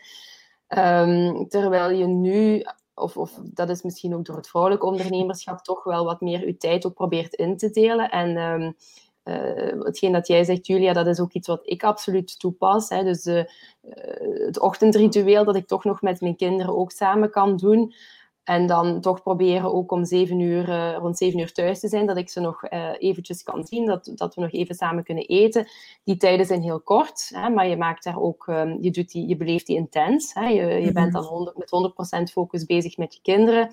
Um, en denk daar, hè, um, het is echt gewoon een kwestie om je tijd, om, om, je dag in te delen. En uiteraard, als de kinderen in bed liggen, dan begin ik, uh, ga de laptop opnieuw open en dan ga ik opnieuw aan de slag. Maar ik heb wel um, die tijd tussenin genomen om, om met ze bezig te zijn. En dat is denk ik het, het grote verschil. En dat heeft ook te maken, denk ik, echt met hoe leiderschap uh, veranderd is en wat van je geacht wordt uh, als, als, als leider. En ik denk dat dat echt ja, een generatieverschil is. Uh, mijn vader die was dag en nacht op de zaak. Hij is natuurlijk ook, en dat denk ik uh, een, een, een, wezenlijk verschil is, hij is van niks begonnen. Hij heeft het bedrijf uit de grond uh, gestampt. Weet je, dat is, dat is een totaal ander verhaal dan het verhaal waar ik nu misschien in zit. Hè. Het is een bestaande mhm. structuur. uiteraard heeft het ook wel uitdagingen die, die, die anders zijn. Uh, Markedier is wel een verhaal dat van nul gestart is, maar ook wel binnen een, ja, een bestaansgegeven. Hè. Het was een dochteronderneming van, uh, van Pubmarket. Maar mijn vader was dus altijd op de zaak, um, dag en nacht, uh, in het weekend bij wijze van spreken. En, en, daar gingen en mama zorgde voor jullie dan? Mama, mama werkte ook mee in de zaak. Dus mijn moeder heeft ook altijd uh, mee in de zaak gewerkt, maar en dan dus ook wel de zorg van de kinderen op haar. Uiteraard ook met de hulp van, uh, van poetshulp en zo verder. Dus uh, je moet mhm. daar verstandig in zijn en taken die je niet per se moet doen, die moet je outsourcen. Hè? Dan moet je bij iemand anders leggen. Dus dat heeft zij ook wel gedaan. Maar er gingen dus weken effectief voor, weken voorbij. Er ging vaak een week voorbij, zo moet ik het zeggen. En ik had mijn vader niet gezien, hè, omdat hij s'morgens mm. weg was uh, naar het bedrijf en, en s'avonds ik al in mijn bed lag als hij pas terugkwam. Dus uh, zo zijn er vaak weken gepasseerd, waarop ik hem eigenlijk dan uh, voor de eerste keer pas zag terug op zaterdag. En dan nog hè, met een mindset die dan ook op dat moment misschien wel heel erg bij het bedrijf ook zat. Hè. Continu aan het denken, continu ermee bezig. En dat zijn dingen, ik denk dat daar mensen gewoon ook... Um, dat mensen dat anders willen doen. Hè? Dat, dat, dat, dat die tijden veranderd zijn en dat je eigenlijk zoiets hebt van ja, ik wil inderdaad ondernemer zijn. Ja, ik wil daar heel hard voor gaan. Het is mijn passie. Ik, uh, ik ben er zelf ook heel veel mee bezig, in alle eerlijkheid. Maar ik probeer toch mijn tijd wijs in te delen. En ik wil niet um, die momenten met mijn kinderen missen. Uh, ja, en al het schuldgevoel is daarna natuurlijk. Ja, en al het schuldgevoel is daarna. Dus ik wil natuurlijk ook niet... Uh, ik ben ook niet iemand die de nood heeft om heel de dag bij mijn kinderen te zijn. Ik durf dat eerlijk mm. zeggen. Um, dat, dat klinkt misschien hard en klinkt, ja. dat klinkt vaak heel cru, maar dat is gewoon dat is wie ik ben in alle eerlijkheid. Ja, ik ben graag bij mijn kinderen. Ik breng graag tijd met ze door, maar ik heb niet die behoefte om, om per se dan inderdaad aan de schoolpoort elke dag te staan en al die dingen... Um, ja, kijk, je was er wel wijzer. Ja, je was er. En ik heb wel die fout gemaakt met de eerste. Mijn zoon Tristan is tien. En de eerste jaren van mijn, mijn ondernemerschap, ik was dus 18 uur per dag bezig. Hè. Dus dat is slapen, opstaan en gaan. En ik moet toegeven dat ik heel veel gemist heb van mijn zoon. De eerste stapjes, de eerste woordjes. Um, dat heeft tot heel veel frustraties ook binnen gezin geleid. En ik zag het niet. Ik zat zodanig in die red race en er waren zoveel uitdagingen dat ik dacht van, oh, nog een jaartje, nog een half jaartje, dan wordt het beter. Maar dat was het niet. Hè? Dus je zit erin en eruit stappen of anders. Nu besef ik als ik terugkijk, ik was geen goede leider. Ik had een heel grote team, maar ik was geen goede manager. En daardoor gaat ik nog meer werk dan zonder personeel. En dat zijn wel de lessen dat ik geleerd had toen mijn zoon, hij was drie. En ik herinner, ik kwam van zo'n zakenreis op zondag, nee, zaterdagavond. En hij sliep toen al. En op zondagochtend was ik vroeg wakker om boterkoeken te gaan halen op het einde van de straat. En mijn zoontje, die werd wakker en... Uh, die, die, komt langs uh, de trap naar beneden en zegt: Mama, mama, ik ben drie jaar oud, ik kan tellen tot vijf.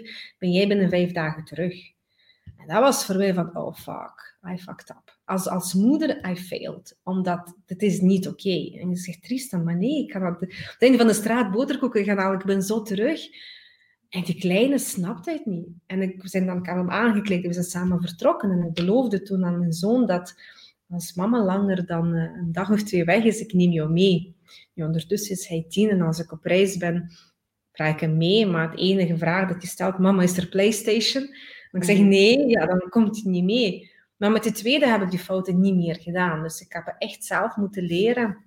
Weer al aard van beestje, workaholic van nature. Ik moet me constant afremmen of mijn partner moet dat doen van hé schat, komt het is wel zondag, hè? laptop gedicht ik propagandeer, ik vertel over work-life balance en so-called harmony, maar in de realiteit is dat niet altijd zo. In de realiteit uh, heb ik heel veel fouten gemaakt en mijn dochter Katerina, en ze is nu 3,5, dan was het anders. Dan was het inderdaad alright. Ochtendmomenten samen, uh, avondmomenten samen, bedritueeltje, knuffelen, verhaaltje. Um, ik wil het een beetje compenseren, zeker. I don't know. Um, maar de fouten heb ik wel gemaakt. En ik zie dat ook bij anderen ik had gisteren, eergisteren gebeld met een dame in Duitsland, ook een klant van mij, en ze zei ook, ik ben 45, mijn dochters zijn bijna 20 en ik heb het allemaal gemist. En ik voelde me verschrikkelijk bij. En ja, was er maar iemand die mij toen wakker geschud had en zei van, oh... En dan is eerlijk gezegd, het is het ook niet waard. Hè? Het is het echt niet waard om, als ik terugkijk... Ja, ik heb een mooie carrière gemaakt, ik heb goed geld verdiend ik sta nu waar ik sta, dankzij de uren dat ik toen opgeofferd had. Maar zou ik het opnieuw doen? Waarschijnlijk niet. En daarom is het belangrijk dat wij ondernemers in perspectief brengen als het gaat over holistisch ondernemen, noem ik dat, waarbij en moeder en echtgenote zijt, en dochter en vriendin en alle andere rollen die je speelt. Voor mannen geldt dat by the way ook. Hè. Ehm, ja, stel jezelf de kritische vraag, moet dat? Hè? Moet je de zondag laptop open doen? Uh, zou je niet eens aan de schoolpoort gaan staan. Allee, dat is gewoon open vragen zonder oordeel totaal. Hè?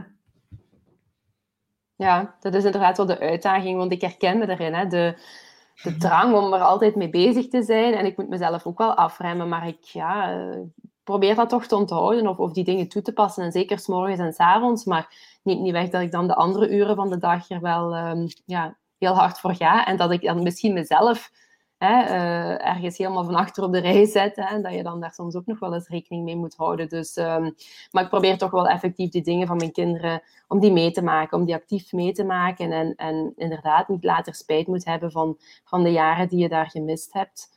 Um, maar het is natuurlijk niet makkelijk. Dat? Hè? dat stukje, je zegt je mezelf op, op de laatste plaats zet, is heb je daar je balans in gevonden van, alright, ik heb mijn bedrijf, ik heb mijn gezin, dan is er ik nog. Um, hoe pak jij dat aan? Uh, dat is heel moeilijk. Ik ga daar heel eerlijk in zijn. Ik heb dus inderdaad uh, mijn, mijn carrière en mijn bedrijf uh, en mijn gezin. En ja, oké, ik ben mezelf natuurlijk, hè, daar niet van. Maar om nu te zeggen van, noem zoals de activiteiten die je voor jezelf doet, die zijn heel beperkt. Ik ga daar heel eerlijk in zijn. Mm. Hè. Ik zou daar een heel mooi verhaal rond kunnen vertellen, maar dan zou ik niet de waarheid spreken. Um, ja, weet je, het is ook de realiteit, denk ik, op dit moment. Um, uh, in volle transitie, uh, het bedrijf. Uh, enerzijds overdracht van generatie op generatie, dus dat is een generatiewissel die bezig is. Anderzijds ook um, het, het um, versnelt het verhaal wat er gebeurt binnen communicatie. Hè, dat meer dan ooit in een heel snelle omwenteling zit. Dat, dat zat het al, maar nu met COVID is dat alleen maar uh, groter geworden en nog sneller geworden, die omwenteling. Heel het COVID-verhaal, dat je er natuurlijk bij moet nemen, ook wat, uh, wat impactvol is uh, voor een bedrijf, hoe dan ook, in welke vorm dan ook. Um, ja, twee jonge kinderen, een zoontje die nu volgende week één jaar wordt en een dochter van drieënhalf. Ja, kijk, die kan daar heel veel verhalen rond gaan creëren, maar het is gewoon een, een gegeven dat, dat, ja, dat er dan voor jezelf eigenlijk niet meer zoveel overblijft. Dat, uh, dat is gewoon de realiteit. En mis ik dat, goh, weet je, ik probeer natuurlijk in de dingen die ik elke dag doe uh, om het fijn te maken, hè, uh, om, om dingen te doen die ik graag doe. En gelukkig kan ik dat in mijn job vinden. Hè. dat, dat is al heel voornaam. En uiteraard, als ik dan eens zeg van nu wil ik dit of dat doen, dan zal ik dat wel proberen te doen of proberen ergens in mijn agenda te squeezen. Maar um, ik heb inderdaad geen zee van ruimte om ook nog eens uh, yoga te gaan doen en, en, en, en ja, weet ik veel, hè, sportactiviteiten. En, en, uh, Zijn we kwijt. Ja. Ben ik terug? Nee, ik zit niet ja. Ja, ja, Ah, je was me even kwijt. Oké, nee, nee. Dus um, ja, dat is gewoon zo. En, en goh, ja, ik denk dat dat gewoon part of the deal is momenteel. En dat dat gewoon een keuze is die je maakt. En uiteindelijk, ik, ik haal heel veel uh, voldoening ook uit, uit uh, quality time uit de tijd die ik met mijn kinderen heb. En ik doe mijn job heel graag. Dus op zich uh, maakt me dat een, eh, een gelukkige vrouw. Um, hè, dus, uh, Heb je ook een nood aan dan? Want als ik voor mezelf spreek, ik ben uiteraard geen ondernemer, ik ben maar een, een freelancer, hè, bij wijze van spreken. Maar ik kan mij ook verliezen in, in mijn werk. Ik kan echt... Ja, ja absoluut. tot, tot vier uur, vijf uur werken, dan, dan eten maken, mijn dochter in bed steken en dan dan tussen acht en, en soms drie uur s'nachts nog altijd volle bak blijven verder werken voor, voor mijn werkgever eigenlijk. Mhm, mhm. En, en, en uiteindelijk heb ik daar geen enkel probleem mee, omdat dat gewoon, gewoon het, het, het project van het moment, de, waarin, waarin ik mij zo, zo in verdiep, dat ik, dat ik gewoon niet kan stoppen. Ik, allee, ik heb niet de nood om dan uh, uh, met, met vrienden op café te gaan zitten, of te gaan darten, of te gaan bowlen, of iets dergelijks. Ik veronderstel dat dat voor jou hetzelfde is. Ja, dat is exact wat ik bedoel. Hè. Ik denk als je dan je daar goed mee voelt en het, uh, je job graag doet, het fijn is, dan is dat ook geen opgave. Ik denk van, van het moment dat het een opgave begint te worden en dat je daar zit van, en nu moet ik dit nog afwerken en eigenlijk betekent dat dat ik nu dit en dit en dit niet kan gaan doen, ja, dan wordt het misschien fout. Um, maar dat, dat idee heb ik niet. Hè. Uh, hoewel, dat is toch zeggen, hè, sporten is belangrijk en al die zaken. Ja, daar, daar, heb ik eigenlijk gewoon geen tijd voor. Maar misschien is dat ook gewoon omdat je geen tijd maakt. Hè. Dus dat is, hè, ja, uh, het is wel hoe je het bekijkt. Hè. Ja, een, ja. Een, een, van de beroemde, beroemde quotes van mijn vader is: tijd is een kwestie van prioriteit. Ja, dus, dat is ook zo. Ja. Daarover gesproken, ik heb een goed boek daarover. Wacht. Heb je ooit dat boek gelezen? Busy, van Tonje Krabbe. Nee. Geweldig boek. En het gaat in feite um, over de business. Dus die spreekt inderdaad ook, het is niet een kwestie van ik heb geen tijd. Iedereen zo'n beetje, hè, wat Doreen zei daar juist ook, uh, het gaat over, uh, je wordt verondersteld als ondernemer 24-7 bereikbaar te zijn en te werken. Is dat wel zo? En ja, ah, het is eerder een kwestie van prioriteiten leggen. En het is een geweldig boek, heel praktisch met uh, heel veel onderzoeken. Uh, dat is, een, dat is een, ook een dokter die dat geschreven heeft, echt een aanrader. Ik denk, je hebt ook een vertaling daarvan in het Nederlands en dat heet Nooit meer te druk heel belachelijke vertaling. Ja, ja, ik heb die titel al eens zien passeren. Ja. ja. Maar praktische, goede tips rond prioriteiten. Um, en uh, het beetje doet me ook denken aan een boek van uh, For Our Work Week. Tim Ferriss, ja. Uh, are you being busy or are you being productive? Dat was de vraag. Voilà. Ja, en dat is een beetje het verlengde daarvan. Ja. Ik ben ja, een grote fan van Tim Ferriss en alles wat ja, de start-up-wereldje betreft. Maar dat is een boek dat ik iedereen wil aanraden. Dat is echt wel een, een goede voor een, een, drukke. En vooral, we zijn zo snel afgeleid. Hè. Er zijn zoveel, zoveel allez, van social media, dan e-mails, kinderen, huishouden, alleen noem maar op. En daar wat op orde krijgen en uh, delegeren, automatiseren is toch wel een must in deze tijden als je een beetje sane wilt blijven. Nu, ik moet toegeven, ik heb er wel nood aan en mijn me-time is niet per se inderdaad, uh, ik weet niet wat te gaan doen. Uh, de tijd ontbreekt mij ook, of eerder, ik maak niet zoveel tijd, omdat inderdaad, als je iets doet wat je doodgraag doet, heel de energie en focus en flow gaat richting jouw business. Um, dus een blessing op zich. Aan de andere kant, wat ik wel gemerkt heb, en dat sinds de lockdown, omdat je niet veel variatie hebt in je dagen en het reizen is ons een beetje weggenomen. Um, tiental minuutjes. Ik doe stretching en ja, ik mediteer dagelijks. En dat zijn mijn momenten. En dat is, ik denk eerder alles wat erom hangt. Dus kinderen in bed, het is opgeruimd. Ik ga naar mijn kamer en ik heb een prachtig uitzicht. Eh, ik woon in een bos en dus ik heb heel hoge ramen. Dus ik heb het gevoel dat ik eigenlijk zweef in een bos als ik in mijn slaapkamer zit. En ik, ik, ik brand een kaarsje en ik ga gewoon gaan zitten. En ik kijk naar buiten en ik ben daar gewoon niet langer dan 10 minuten met mezelf in stilte. En dat helpt mij wel om een dag voor een stuk af te sluiten. Want anders neem ik het mee naar mijn dromen en word ik soms wakker met geweldige ideeën die ergens naartoe moeten. En dat is soms echt wel vermoeiend. Dus ik heb echt wel nodig aan meditatie of yoga uh, of gewoon een dagelijks te gaan wandelen om die resetknop te duwen in mijn hoofd, om dan nog productiever te zijn, eerlijk gezegd. Dus ja. dat is wel... Uh... Nou, voor mij is dat, uh, is dat een keertje gaan lopen. Dus twee keer in de week uh, ben, ik, uh, ben ik een uurtje weg. momenteel aan het, aan het trainen voor een halve marathon. Dus dat is stilletjes aan opbouwen. En dan, dat helpt mij om, om, om het een keer leeg te maken. Maar ik zou eigenlijk beter ook eens een avondritueel inbouwen, denk ik. Dat ik, dat ik op een bepaald moment kan zeggen van kijk, nu stopt de werkdag en nu is het, nu is het even, even de, de mentale rust die, die ingebouwd wordt. Maar hmm. ik heb nog niet... ik heb nog niet als je, allez, ik ben iemand die vrij rationeel is en die dingen wetenschappelijk eerst wil bekijken, benaderen om het dan te, toe te passen. Anderen zijn vertrouwen op woord en gaan het doen. Um, ik ben heel wat gaan lezen van Steven Kotler. Um, Stealing Fire is een van zijn um, bestsellers. Door marketeers bij de veel gelezen. En dus Steven Kotler heeft een research instituut in Amerika en hij onderzoekt de werking van de brein. En heel van zijn onderzoek wordt dan ook gebruikt voor marketingdoeleinden. Maar ook eerder, hij focust zich nu op, op flow. En dat is, hoe kan ik als individu, als ondernemer productiever zijn? Um, en heel veel van zijn researches worden nu Um, oh ja, in de Forbes werd er heel over gepubliceerd. Uh, Harvard Business School is wel. Dus je vindt heel veel toepassingen van zijn praktische tools om meer in flow te geraken, om dan inderdaad meer quality time te hebben. En niet busy busy zijn, maar inderdaad leven, voluit leven. Dat is mijn kinderen, dat is gaan wandelen, dat is de tijd hebben, maar tegelijkertijd heel prestatiegericht te zijn. Dus geweldige auteur, een aanrader um, om in zijn onderzoek te duiken. Het is ook, de indruk dat het een heel lange boekenlijst gaat worden voor deze afdeling. Ja, ja je zit in corona, hè. maak het efficiënt. Je kunt het beluisteren ook. Hè. Sowieso, sowieso. Zeg maar erin. Ja, ik wil gewoon zeggen, het is ook niet uh, het aantal uren hè, dat je achter de bureau zit. Hè, dat ah, dat uh, staat niet uh, daarom in direct verband met je productiviteit of, of um, de dingen die je kan realiseren. Dus ik denk daar hè, dat dat voor iedereen is. Hè, de, je tijd in de juiste dingen steken. En ehm, je soms niet verliezen in zaken waar je zelf niet zou mee moeten bezighouden, bijvoorbeeld, of die uh, misschien weinig toegevoegde waarde creëren. En dat is denk ik voor iedereen een uitdaging. En inderdaad ook Julia, omdat er zoveel um, prikkels zijn uh, die langs alle kanten komen, um, hebben, mensen zich, hebben mensen de neiging om zich ook heel snel te verliezen in dingen. Hè? Ook om, je moet altijd alles onmiddellijk doen, altijd alles onmiddellijk beantwoorden.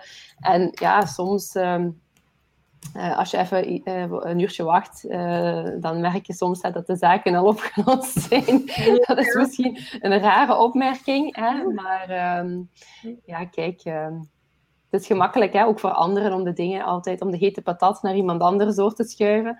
Ehm, maar ik denk dat je daar ook uh, als ondernemer ook wat uh, geduldig in moet zijn. Hè? Uh, en niet altijd alles onmiddellijk zelf moet aanpakken. Hè? Dus ook wel anderen de kans laten om, om dus dingen uit te zoeken en, en zijn orde te maken. Hè? Maar is ook een kwestie van... geven, hè? Is dat, ja, voilà, dat staat nog wel zeggen, verantwoordelijkheid geven uiteindelijk. Hè? Want vaak is het zo dat van zodra dat je verantwoordelijkheid geeft, dat die persoon ook die verantwoordelijkheid opneemt en dan beseft van oké, nu, is het, nu is het mijn probleem tussen, tussen aanhalingstekens. En dan ook effectief naar de oplossing gaat zoeken. Denk, ik denk dat het ook een kwestie van wat het probleem is. Hè? Um, ik, ik, sprak erover met, uh, met uh, um, Andreas Kreten uh, in de sessie die we gedaan hebben over remote working. En dat was eigenlijk dezelfde conclusie. Dus net omdat, omdat er zo tot op zekere hoogte weinig vertrouwen is over waar mensen mee bezig zijn als ze thuis werken. Terwijl als je die, als je die verantwoordelijkheid geeft, als je dat vertrouwen geeft aan mensen, uh, ja, die, die gaan normaal gezien, en er, zijn een aantal uitzonderingen uiteraard, maar in de meeste gevallen gaan die personen zelf de verantwoordelijkheid nemen en zelf ervoor zorgen dat het werk goed gedaan wordt. Dat is, dat is iets wat, wat, wat we nog, denk ik nog veel te weinig doen, is, is durven uit handen geven. En ik denk... Um, Zeker als je, eh, als je ook nog kinderen hebt en, en, en uh, als er veel op je afkomt, wat Julia, Julia daar straks zei uh, toen, uh, toen ze bezig was met, over haar eerste kleine, dat ze zelf die, al die dingen zelf wilde doen, denk ik dan, uh, verbeter me als ik fout ben, dat je, dat je op een bepaald moment moet kunnen zeggen van kijk, nu geef ik de verantwoordelijkheid of de, de, het vertrouwen aan iemand anders die dan dat deel van het werk kan overnemen van mij. maar dat is inderdaad dat stukje leadership hè, waar Doreen over had. Um, het, het, is veranderd. Um, vroeger, alles wat je deed, deed je beter. Je was de en iedereen luisterde. Um, nu is het een beetje een more flat structure, waar, iedereen een, stukje bijdraagt. En op die manier ook kunnen we meer gedaan worden. Want wat ik denk Doreen haar papa deed um, twintig jaar geleden, wordt nu veel meer gedaan. Gewoon omdat er veel meer kanalen zijn. Marketing evolueert heel snel. Ehm, je kunt het gewoon niet meer zelf doen. Je kunt meer de madame zijn van het bedrijf en alles zelf weten. Dus voor een stuk moet je delegeren. En inderdaad, de mensen die het niet kunnen, hè, ehm, ja, die moeten vertrekken of die moeten een andere functie krijgen binnen een bedrijf waar die uh, autonomie niet zo belangrijk is, waar ze wel gestuurd kunnen worden. Ehm, en ik denk dat wij daar nu niet, ik wil het weer al niet veralgemenen, maar het gaat hier over female leadership, alleen. Vrouwen ehm, kunnen van nature heel goed teams samenstellen, waar ze heel goed kunnen samenwerken. Waarbij um, bij mannen vaak het gaat over uh, lineair denken, van resultaat, sales als voorbeeld om te nemen. Een vrouw gaat zeer nurturing, hè, een team en bedrijf aanpassen waar iedereen zich goed bij voelt. En daardoor is er minder vaak verloop door bedrijven die, die door vrouwen worden geleid bij bedrijven. Dus dat is een stukje wat ik merk, inderdaad, ondernemerschap of de leiderschap van vrouwen groeit, maar dat komt ten goede van heel veel uh, teams en bedrijven. Omdat we inderdaad dat heel holistisch aanpakken, uh, diverse profielen samenbrengen, waar wij eigenlijk geven om hoe dat de groep werkt. Uiteraard, mannen doen dat ook, uh, of ze leren dat graag aan. En, en dat is een stukje dat leadership-stijl, de leiderschapsstijl die veranderd is in de voorbije, met de nieuwe generatie. En zal nog meer zijn. Hè? Als je naar de States kijkt, zie je heel veel uh, zelfstandigen, freelancers, die drie, vier opdrachtgevers, constante en vaste opdrachtgevers hebben. En, en zo hun verantwoordelijkheid nemen. Um, en allemaal samen tot een groter geheel uh, uh, creëren. Lijkt mij ook waar wij nu naartoe gaan. Um, meer zelfstandige freelancers die ingezet worden, in projecten meer gaan werken en niet constant op de payroll zitten. En als er crisis komt, oh shit, de cashflow is weg. Um, ja, ik denk dat wij wel richting een heel flexibele manier van werken gaan evalueren. Zeker post-COVID, heel digitaal, zeer um, projectmatig. Eh, KPI's worden beter bepaald en daardoor word je geëvalueerd. Uh, ja. Dus ik denk dat dat, uh, dat nieuw leiderschap zeker um, zeer female-friendly is, denk ik. En ik denk ook je omringen hè, met, um, met de juiste mensen. Hè. Dus ik uh, bedoel daarmee, vroeger moest je inderdaad, of ik weet niet of dat iets van vroeger is, maar heel veel um, uh, CEO's hebben het idee dat ze de allerbeste moeten zijn hè, mm. in het vak dan. Hè ik vind dat echt niet erg om uh, te zeggen dat wij heel veel mensen in onze organisatie hebben die in hun expertise beter zijn dan ik erin ben. Um, ik denk dat dat ook een hele normale evolutie is. Als je ziet, uh, de business waar wij in zitten, communicatie, het breedste zin van het woord. Uh, heel het verhaal digitale marketing, maar ook het stuk development, um, de creatieve mensen die wij in ons team hebben. Dat is onmogelijk om daar allemaal zelf uh, de beste in te zijn. En het is denk ik heel normaal dat je mensen hebt uh, die in hun domein veel beter zijn dan dat je er zelf in bent. En dat is ook in onze organisatie zo. Dus we hebben heel veel van die expertfuncties. En het is. Allee, wat ik belangrijk vind is eigenlijk om, om, om de combinaties te maken tussen die mensen en, en de 1 plus 1 is 3 te creëren. En dat is een rol hè, uh, die ik dan ook wel op mij neem. Uh, uiteraard ook samen met het bepalen van strategische koers. Hoe gaan we, waar gaan we naartoe? Hoe gaan we ons uh, in de markt positioneren? Maar echt wel je omringen met die mensen die beter zijn dan jezelf en, en dat ook niet erg vinden. En fier zijn dat je die mensen eigenlijk in je bedrijf hebt. En ook hetgeen wat jij zegt, hè, Julia, je omringen dan hè, enerzijds mensen die je dan op je payroll hebt staan, hè, de expertfuncties, maar ook niet bang zijn om, uh, om te werken met externe expertfuncties. Hè, freelancers die je in je netwerk kan aansluiten en die je kan uh, inroepen in bepaalde gevallen, bij bepaalde opdrachten. het echt opzetten van die ecosystemen, dat is zeker ook iets wat, waar ik je in volg, hè, dat dat een evolutie is die bedrijven ook verder gaan doormaken. En, die ook inderdaad door COVID nog meer wordt aangewakkerd. Hè? Uh, ook omwille van de flexibiliteit die je op die manier ook als bedrijf hebt. Hè? Ja, en dat is inderdaad de volgende stap. Hè. Um, we hebben nog onlangs met Rick over gehad, over Erik Vera. Hij schrijft een boek daarover, over ecosystemen. Dat zal volgende maand af zijn. Ik ben echt benieuwd, want um, ik belde hem voor advies. Um, omdat we in uh, met European Women Association gestart waren, is dat met het idee van het right. We creëren een ecosysteem voor alle partners. En iedereen profiteert van de groei van het platform. Dus als mijn um, organisatie groeit. Het is een open structuur. Ze kunnen altijd gaan kijken in jouw organisatie. En op die manier um, is dat cross-networking um, uh, leidt tot organische groei. En dit is iets wat wij vanuit ons businessmodel verder nu gaan dit jaar uitwerken. Ook naar betalingssystemen. En uh, dat dat mogelijk maakt om dat onze partners ook uh, ja, bepaalde zaken kunnen verkopen, bestellen. je kunt dat inderdaad met ja, coins werken, noem maar op. Maar er zijn dus inderdaad oplossingen. En dat, dat zal wel de future zijn. Het verenigen van resources. Want het wordt vrij duur om te innoveren. Hè? Als je kijkt hoeveel start-ups of kleinere bedrijven er niet meer zijn na 2020. Gewoon omdat de tempo was zo snel en de cashflow was er niet en de banken gingen niet mee. En ideeën waren geweldig, maar als je geen netwerk hebt, sterk netwerk dat je al jaren ervoor in geïnvesteerd had, forget it. Um, en, en de business angels, voor zes maanden, of de meeste dat ik ken, zijn, zeiden letterlijk tegen mij, de komende zes maanden investeren wij niet. En dan sta je daar als een geweldige kleine zelfstandige of een, een KMO met groeipotentieel. En dan is de volgende stap, alright, als ik het zelf niet kan betalen, met wie kan ik gaan samenwerken die de expertise heeft? Er waarbij wij een win-win kunnen creëren. In plaats van te gaan concurreren met elkaar, is er een manier om te gaan verenigen. En daar weer al cliché of niet, heb ik heel veel positieve feedback gekregen van uh, uh, vrouwelijke presidenten van de associaties. Die zeggen, oh ja, wij zijn geweldig in investment readiness. Bijvoorbeeld Female Founders, dat is een organisatie in Oostenrijk, zo'n geweldige project- en acceleratorsprogramma voor vrouwen. Ik heb de middelen of de tijd er niet voor om dat nu hier verder uit te bouwen. Zeg van dames, laten we gaan samenwerken. Um, wij willen dat onze community groeit en meerwaarde creëert, maar ik heb de expertise niet en jullie wel. En voor een stuk zijn ze gesubsidieerd door de overheid, um, door de EU. Ja, why not? Waarom kunnen we dat niet samenbrengen? Dus ik denk dat wij wel naar een businessmodel moeten gaan waarbij dat je van het ecosysteem denkt en niet altijd zelf doet. En dat kan zo klein zijn als een freelancer even inschakelen voor een groter project. Maar uh, ook investeren in je netwerk. Iets wat, ik weet niet het bij jou zit erin, maar ik heb ingezien hoe belangrijk dat dat is. Uh, vorig jaar um, ja, valt alles stil in ons geval.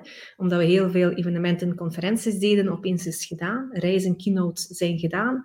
Paniek. Maar gelukkig was er een sterk netwerk waarop terug kon vallen en zei, alright, we starten met iets nieuws, doen jullie mee? En zonder te veel blabla was het een ja.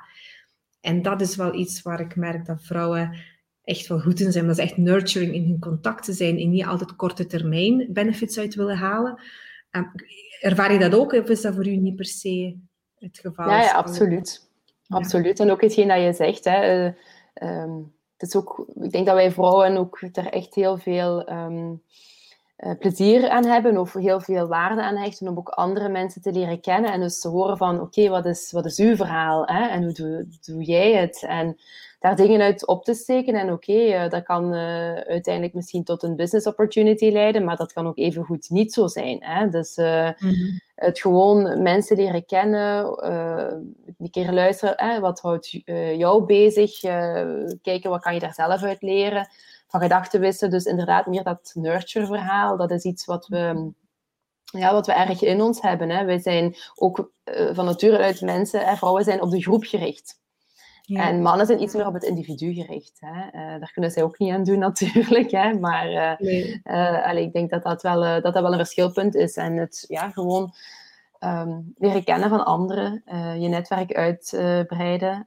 Um, en, en vandaar ook, hè, wat we in het begin zeiden, zo jammer hè, dat we elkaar dan nu pas tegenkomen en dat we elkaar nog nooit eerder gesproken hebben. dus dat, uh, um, dat maakt dingen zoals deze ook uh, natuurlijk heel leuk, hè, om op die manier ook weer eens een ander verhaal te horen en een andere belichting te krijgen op de dingen. Hè. Ja, en er niet bang van zijn. Hè. Het stukje delen, um, dat is ook iets wat ik merk van, oh, soms ligt dat gevoelig. Maar als je naar de start-up community kijkt, daar moet je zo snel mogelijk testen, delen, vertellen, connecteren. Um, en je tijd misschien niet verliezen aan bepaalde ideeën die toch geen, aan niet levensvatbaar zijn. Dus dat stukje, ja, ik herken je er wel in. Dat, dat delen, verbinden. En ook gunnen. Hè. Het stukje ja, is dat misschien door COVID? I don't know. Ik merk heel veel gunfactor in, in, in ons netwerk, internationaal. Hè. Dus van ja, och, hoe kunnen we jullie ondersteunen? Mooi project, hoe kunnen we daarbij helpen? En als een ander nog eens beter van wordt, super. Maar soms, komt er business opportuniteit en soms komt er vriendschap uit. Of beide, which is fine, by the way. Which is fine. Ik denk ook dat er ruimte is voor, uh, voor iedereen. Allee, er is ook nooit uh, ergens één stad waar het maar één uh, Italiaans restaurant is, bijvoorbeeld. Er zijn er altijd heel veel met een iets andere smaak, een iets andere approach om, om dingen te doen. Dus in dat opzicht, allee, dat is inderdaad waar wat je, wat je zegt. Er zijn heel veel mensen die nog altijd denken van, kijk, mijn business idee is mijn business idee en ik mag het niet delen, ik mag het niet vertellen, ik moet het geheim houden. En uiteindelijk loop je dan toch met je, met je gezicht tegen de muur, denk ik dan. Dus mm. ik denk niet dat dat de juiste strategie is. Nee, toch niet, toch niet voor de toekomst. Misschien heeft dat vroeger gewerkt. Ik zie dat niet werken in de toekomst, nee. nee. ik wil eens even terugpikken op, eh, op wat je daar straks zei. Um, je zei dat je, uh, dat je je vader soms een week niet zag, dat, hij, dat hij heel hard bezig was aan de zaken en dergelijke. En, en toch toch was dat precies voor jou geen, geen, geen afschikmiddel om, om, om toch uh, ermee te stappen. Toch bleef die, bleek die drang toch, uh, toch groot genoeg. Dus wat, hoe, hoe ervaarde je dan als, als klein meisje om, om je vader dan zo weinig te zien? Wat, hoe was dat voor jou? Ik heb daar alleszins geen negatieve gevoelens aan overgehouden. Hè. Dus, um, nee, dat sowieso niet. Dat, dat, dat, was iets wat, wat, wat er gewoon was. En ik, allez, ik denk daar... Ik heb me dat ook al vaak afgevraagd. Hè. Waarom doe je dan uiteindelijk wat je doet? En, en dat is soms heel moeilijk te vatten of te begrijpen. En, en eh, dat is wat we er straks zeiden, dat ondernemerschap, als je dat objectief bekijkt, ja, dan, dan zou je misschien in eerste instantie zeggen van waarom zou je dat uh, in hemelsnaam doen? Hè? Um, en toch ga je daarvoor. En eh, wat ik wel altijd bij mijn vader heb gezien, is ook die passie. Hè? Die passie voor het vak, de voldoening die iemand daaruit haalt, het, het kunnen opbouwen van een vennootschap, waar ik waar ik ook altijd heel veel respect heb voor, gehad. En voor, mijn, voor mijn ouders allebei, want mijn moeder heeft er ook altijd heel hard aan meegewerkt. Um, als je van nul iets uh, kan maken, dan, ja, dan doet dat ook wel iets. Hè. Dan, uh, dat is niet zomaar iets. Dus dat, dat heeft ook altijd wel, ja, die passie heeft hij doorgegeven. Dat, uh, ik heb altijd daar veel respect voor gehad. En um, ja, om een of andere reden toch de drang gehad om, om zelf in het bedrijf te gaan werken. En natuurlijk, het is ook niet zo dat ik daar binnen stapte en dat het zo was van, ja, hier ben ik dan en ik ga hier de zaak overnemen. Uh, nee, je begint daar te werken, hè, je begint dat vak te leren kennen, um, je doet je ding, hè, je, maakt een evolutie in de zaken, uh, in de functies die je doormaakt. Um, en je groeit ook als persoon en van het ene komt het andere natuurlijk. Hè. Het is ook niet dat je daar dan binnenkomt en zegt van en nu ga ik... Uh, dat was een beetje over de top geweest, als dat het geval was. Maar het is, ja, het is een organische groei daarin geweest. En vooral denk ik het, ja, de, passie voor het vak, het, uh, zien, hè, dus het, het voor jezelf ook kunnen doen. Hè. Wat je doet elke dag, dat is iets, um, ja, dat is een investering hè, die je maakt in iets wat je, wat je ziet evolueren en wat je ziet groeien. Uh, waar je een team uitbouwt van mensen, want dat ook niet vergeten dat um, je ook heel veel doet voor, voor, voor de mensen. Hè. Uh, ondertussen is de organisatie uitgegroeid. Er zijn 70 mensen die in ons bedrijf werken. Ja, dat is. Um, ja, dat wordt ook eigenlijk een community hè, of een groep. Hè. Dat is, uh, het is niet meer alleen voor jezelf. Hè. Het is samen eigenlijk um, ja, dat, dat samen realiseren, dat samen doormaken, ook op basis van de expertises dat die mensen elke dag uh, erin leggen. Um, en dat is ook een drijvende kracht natuurlijk. Hè. Um, ja, sowieso. Maar ik vind, het, ik vind, het, grappig. Ik vind het grappig omdat we van ons ouders nemen ofwel dingen heel veel over die we zeggen, kijk, dat wil ik wel, ofwel dat wil ik helemaal niet. En, en ondanks het feit dat je, dat je precies, eh, het feit dat je, dat je een van je ouders niet vaak ziet, um, logischerwijs zeg je dan van, kijk, dat ga ik anders doen voor mijn kinderen. En dat, dat zou een logische redenering zijn. Anderzijds, hetgeen wat hij doet, allee, inspireert dan toch weer wel. Dus dat is een beetje, dat is een beetje zo het, het, het, het dubbelzinnige uh, aan, aan zo'n verhaal. Maar ik, ik volg je erin. Hè. En ik heb ook hetzelfde, mijn vader naar hetzelfde uh, verzekeringsmakelaar. Ook iemand die, die tot in de konden nacht kon, kon bezig zijn voor zijn klanten, voor de mensen die hij, die hij hielp. langs de andere kant, allee, als ik hem iets wilde vragen, dan, dan was hij er ook wel voor mij.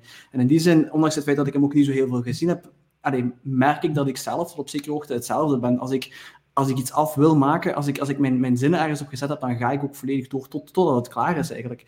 En dat is, um, ja, dat is gewoon een beetje raar hoe dat, dat, hoe dat, dat soms werkt in, in ons hoofd. Dat je, dat je ofwel iets helemaal overneemt, ofwel iets helemaal aan de kant legt van, mm -hmm. van je ouders. En dat is, uh, ja. Het is natuurlijk ook wel zo dat ik het voor een stuk wel op een andere manier probeer te doen. En dat ja, was het verhaal hè, van er straks. Dus het is, ik denk de balans een beetje tussen de twee maar ja, ook het verhaal wat Julia zei, dat zit gewoon in het bloed. Je kan dat eigenlijk heel moeilijk uh, verklaren of uitleggen. Waarom doet iemand dat? En, uh, of waarom zou je dat net niet doen? Um, mijn broer is trouwens ook een ondernemer, dus dat maakt het misschien dan nog, nog grappiger. Hè? Uh, niet in het bedrijf, hè? dus hij heeft een andere een andere opportuniteit gezien of een andere business die hij, die hij doet. Um, uh, mijn vader speelt daar ook een rol in, hè, dus uh, dat wel. Maar ja, waarom is dat? echt waar, dat zit gewoon in uw DNA. Ik kan, dat eigenlijk, ik kan daar eigenlijk weinig andere verklaring voor geven hoor. Um, en ondernemers, zijn ook, ondernemers zijn toch voor een stuk ook ja, high achievers. Koppige ja, mensen, die, willen, die zijn koppig en, en dat leidt vaak tot ja, innovatie en doorbraak en het anders durven en willen doen. En um, it's never enough. Ik heb geen enkel ondernemer die zegt, I'm oké, okay, ik heb gecashed, ik zit hier nu. Nee, daarna, hè, dus dat is, dat is een de attitude van ik wil vooruit, ik wil groeien. En nee, geld is niet de hoofdmotivator. Hè. Gewoon dat net zeggen. Ja.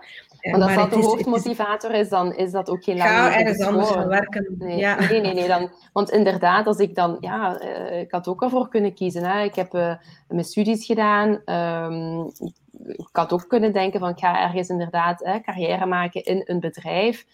Um, ik denk dat ik dan ook wel uh, in, staat was geweest om goed met een boterham daarmee te verdienen. Uh, dat denk ik mm. wel. Uh, maar dat was anders, hè, want het was voor iemand anders dat ik het deed, hè, voor een ander bedrijf, waar ik me misschien ook wel tot op zekere hoogte comfortabel in zou gevoeld hebben. Maar ik, ik, ik, dat zit er gewoon in, die drang om toch iets te realiseren, iets, iets, iets te maken, samen met een groep van mensen. Dat, dat leiderschap ook, ik denk dat dat is ook absoluut iets wat uh, in je natuur moet zitten. Dat is niet iets wat je kan leren. Je kan erin groeien, uh, uiteraard, maar dat moet wel van nature in je zitten. En ja, dat was toch wel naar boven ge gekomen. Dat, uh, daar ben ik wel van overtuigd. Dus um, ja, dat, dat, zijn allemaal dingen die daarin meespelen. Hè? Hmm. Heb je ervaren jullie ondernemen anders nu dat jullie kinderen hebben? Allee, we hebben het daar straks al even over gehad. Um, dus uh, Julia had een, heel duidelijke shift tussen haar eerste en, en haar tweede. Um, maar, maar, was dat zo even een, een, een reality check? Zo van, uh, zo van nu moet ik hier iemand. Uh, moet ik mijn, was dat het moment dat je. Heb je toen meer anders beginnen structureren? Of was dat daarvoor al iets wat je, wat je met voorbedachte raden hebt gedaan? Bij mij was dat zo het moment. Um, kinderen, ja goed, ik, ik, wist wel dat ik graag kinderen wou en mijn partner ook. dat was wel duidelijk. Maar ik heb eigenlijk gewacht op het moment dat ik, uh, uh, dat ik minder egoïstisch of dat ik, moet dat zeggen, ja, ik ben, uh, dat ik eigenlijk besefte van, oké, ik ben bereid om eigenlijk een stukje focus te gaan verleggen. En ik heb eigenlijk op dat moment eh, gewacht en ik heb ook daarvoor altijd gezegd van, ik ben daar niet klaar voor. Ik ben te egocentrisch op dit moment en niet zozeer op mij als ehm, individu gericht, maar wel op wat ik kan doen. En ik heb die vrijheid nodig. Ik, ik, um, ik zou dat op dat moment niet hebben kunnen opgeven, dat ik eigenlijk omwille van iemand anders, hè, dus uw kinderen, hè, of een andere reden, minder zou kunnen focussen op, uh, op mijn job. Dus um, ja, in, in, in, dat opzicht was ik op, ja, voor mijn kindertijd, hè, voor de tijd dat ik, uh, dat ik uh, kinderen had, was ik heel ja, egocentrisch. Hè? Ehm, en echt wel alleen maar bezig met wat, uh, wat ik wou doen. En iets minder met de verantwoording die je dan zou moeten afleggen. Zelfs eigenlijk in alle eerlijkheid naar mijn partner toe. Hè? Uh, ik was gewoon met mijn job bezig. En uiteraard deden we dingen samen. Hè? En hadden wij onze weekends en zo verder. Maar als ik een weekend had waarin ik uh, zin had om twee dagen te werken, dan zou ik dat waarschijnlijk ook wel gedaan hebben. Um, en dat klinkt misschien weer opnieuw niet zo sympathiek, maar ik ben daar gewoon heel eerlijk in. Ik was gewoon heel hard gefocust op dat stuk. En van het moment dat ik eigenlijk bereid was um, om dat voor een stukje los te laten of om, om die focus te gaan uh, verleggen, uh, is eigenlijk dat gesprek over kinderen eigenlijk pas naar, naar, naar uh, boven gekomen. En dat was bij mij ook van vandaag op morgen. Dat was zo van de ene op de andere dag dat ik ineens in mijn hoofd had uh, dat ik dan toch wel graag met kinderen wou beginnen. En dan was dat um, heb ik dan mijn leven dadelijk anders gaan organiseren. Ik ben eigenlijk dan, ik heb geluk gehad om vrij snel zwanger te worden. En uiteindelijk heb ik gewerkt tot de, tot de laatste dag. Ben ik dan gaan bevallen, bij wijze van spreken. En ik ga er ook eerlijk in zijn, in het ziekenhuis was ik mijn mails al aan het lezen. Dus ja, wat doe je daaraan? En, en dan ga je inderdaad, dan neem je even tijd Ehm, met, je, met je babytje. En, en dat moet ook wel, want ja, ja je, moet er, je, moet de zorg op je nemen. Maar tussendoor was ik ook wel opnieuw terug bezig met, met het bedrijf. En dan ook wel vrij snel nadien gestart. En, en um, ook ja, je entourage moet er wel klaar voor zijn. En dat was het, het, het punt wat Julia ook aangaf. Hè, als vrouwelijke ondernemer moet je entourage er klaar voor zijn. En um, ik heb daar ook het geluk dat, dat mijn ouders uh, op dat moment eigenlijk ook wel um, daar klaar voor waren om, om, om grootouder te worden. En um, uh, ik ben de oudste, dus mijn broer is zeven jaar jonger, hij heeft nog geen kinderen. En mijn, uh, mijn ouders die, ehm, die doen heel veel voor het gezin ook, hè, dus heel veel voor mijn kinderen. Mijn moeder gaat mijn dochter elke dag van school halen. Dus ja, dat, dat zijn wel zaken die op dat moment dan verder afgesproken zijn, maar die eigenlijk ook wel weer op, eigenlijk natuurlijk zijn gegroeid. En Weet je, ik ben ook iemand die, die weinig op voorhand gaat nadenken. Ik overweeg de dingen wel, maar ik kan ook heel, um, hoe zeg je dat, um, impulsief zijn in die dingen. Hè? Dat was gewoon van, ja, ik wil nu kinderen, voilà. En we zullen dat wel, we zullen dat wel georganiseerd krijgen. En uiteindelijk, dat leert me dat ook. Hè? Ik denk, op het moment dat je geen kinderen hebt en je dan probeert plannen te maken over hoe dat je dat gaat doen met kinderen, die plannen gaan uh, nooit op die manier tot uitvoering komen, want je kan je daar niet op voorbereiden. Dat is gewoon um, een ervaring, uh, of, of, je weet dat pas als je daarin zit. En uh, ja, uiteindelijk is dat ook wel allemaal goed gelopen en, en proberen we dat toch allemaal wel goed in balans te brengen. En dat kan dankzij inderdaad de entourage waar ik, waar ik op kan beroepen. Ik ben nu, ik denk hoe ouder ik word, hoe meer waarde ik hecht aan moeder zijn. Als ik terugkijk, totaal niet veranderd. In die zin van, oké, okay, zelfstandig en mama, we, we, we, zijn er, we schaffen dat, het lukt allemaal. En uh, trekken ons plan en de ouders die bijspringen, echtgenoot die mee in de zaak is, dus het komt wel goed. Maar nu, ik werk veel met, start-ups en vrouwen en uh, sommigen die carrière shift doen van uh, managementfunctie naar consultant of wat dan ook. Maar als je met jongere dames spreekt, eh, in de dertig, die nog aan kinderen moeten beginnen, of in de fase zijn van ik wil mama worden, oh, in, in mijn zaak, als er mogelijkheid is, geef ik wel, en als ze mij om advies vragen, zal ik ze wel aanraden om de tijd te nemen om bewust zwanger te zijn en moeder te zijn. Want het werk is nooit gedaan, maar de kinderen worden groot zonder dat je het door hebt. En en als ik, ik werk met heel veel vrouwen die, uh, ja, carrièrevrouwen. En dan zien, die, horen heel veel verhalen van, oh shit, ik heb zoveel eigenlijk gemist. En nu dat ik grootmoeder word, besef ik dat nu pas. Um, en it's in your face. Dus ik ben nu meer van mening geworden van, alright, carrière, alright, is allemaal goed en wel. Uh, maar als je bewust mama wilt worden, geef jezelf de tijd. Zeker als eerste kindje is. Het is nooit meer hetzelfde. Als ik van de tweede zwanger was, dan was het stuk allemaal gemakkelijker. En je wist wat je te wachten stond. En ach ja, weet je, dan was je minder gestresseerd. Maar de zwangerschap van de eerste en de bevalling en de, de, de eerste maanden daarmee samen. Oh god, um, als je het kan, hè, weer al, hè, is, een luxe. Uh, probeer zoveel mogelijk samen te zijn. Uh, en ja, dat is iets wat ik geleerd heb zelf in de voorbije jaren. En ook van anderen, niet enkel uit mijn eigen ervaring uiteraard. Mm Ik moet zeggen, wel bij, de, bij mijn eerste kindje, toen, um, toen was Marke al. Hè, dus ehm, dat wel, maar toen ehm, was ik nog geen CEO bij Pubmarket. Dus dat, dat was wel een verschil. Hè. Dat was nog altijd mijn vader. En achter de mhm. schermen hadden wij ondertussen wel al, um, waar wij begonnen met de familiale overdracht. Dus dat wel. Maar ik vervulde eigenlijk op dat moment ehm, eh, mijn job. Hè. Dus dat was, uh, ik, was ik, had, ik zat nog niet in de positie van CEO. Dus dat was wel een groot verschil. Hè. Waardoor ik denk ik op dat moment ja, dat, ja, nog iets bewuster toch heb kunnen, kunnen meemaken. Of gewoon dat ik wel tot op de laatste dag, eh, dat was effectief uh, tot op vrijdag werken en zaterdag bevallen. En het grappige is dat dat bij mijn, bij mijn zoontje juist hetzelfde was. Tot vrijdag werken en zaterdag um, uh, zijn dan uiteindelijk de weeën begonnen. Dus dat was altijd wel goed getimed. Maar um, toen Matthias geboren is, mijn zoontje, toen was ik wel al CEO bij Pubmarket. En um, eigenlijk is dat zo dat wij, het moment dat we dat hebben aangekondigd in de organisatie, dus dat ik dus uh, um, uh, 50% dan ondertussen van de aandelen had, dat mijn vader 50% had en dat ik dus ook CEO ging worden naast mijn vader. De dag dat we dat hebben aangekondigd aan het personeel, heb ik ook gezegd, en ik ga ook een tweede kindje krijgen. Dus dat was wel heel veel uh, op een hoop. Dat, um, dat wel, maar dat was ergens ook wel bewust, want um, ik had eigenlijk op dat moment ook zoiets van, kijk, ik wil graag twee kinderen.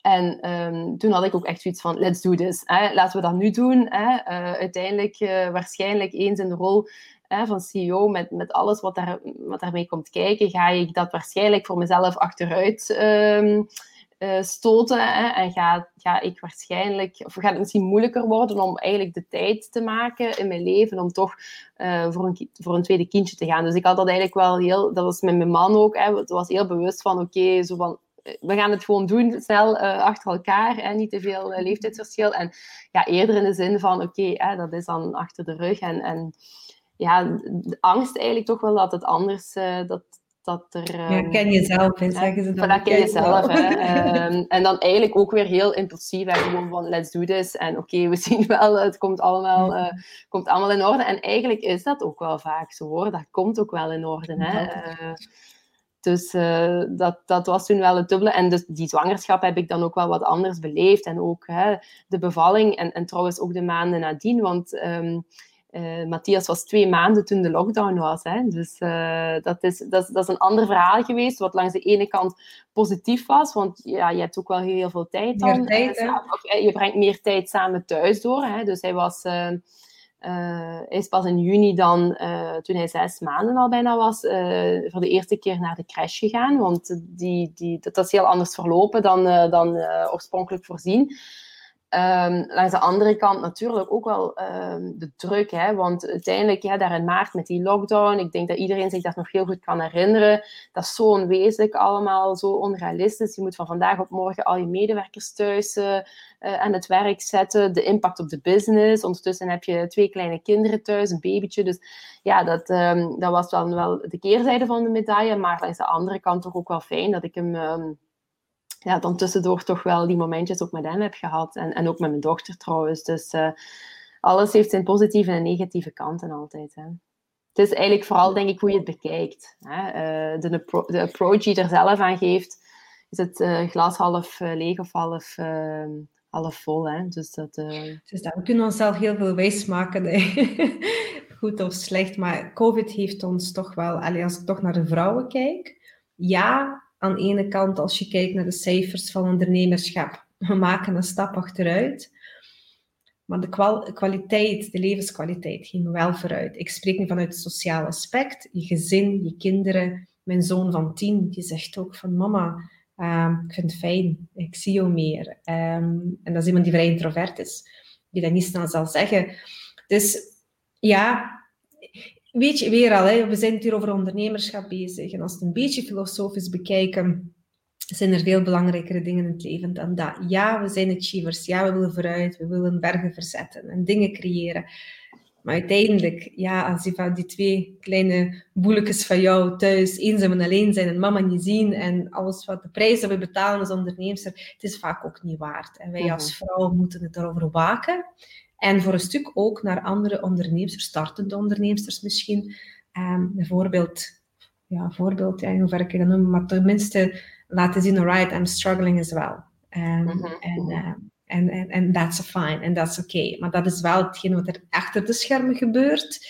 Um, ik zit in, ik heb je bevallen ik stel de mails te checken of uh, tussen de ween door, maar dat is wel soms de realiteit. En het is wel fijn dat, je daar, dat we daar heel open over kunnen zijn en het niet verbloemen, zodat de andere persoon je denkt van wow, dit, dit kan ik niet aan. Hè. Ik moet zekerheid hebben, ik moet structuur hebben wel liever forget it dan, hè, om te gaan starten met je zaak of te ondernemen. Dus COVID, alright, heeft heel veel dingen in perspectief gebracht. ook business-wise, hele bedrijven hebben alles verloren, maar hebben ze elkaar teruggevonden als gezin. Dus ook dit is echt wel uh, uh, waard om op te kijken.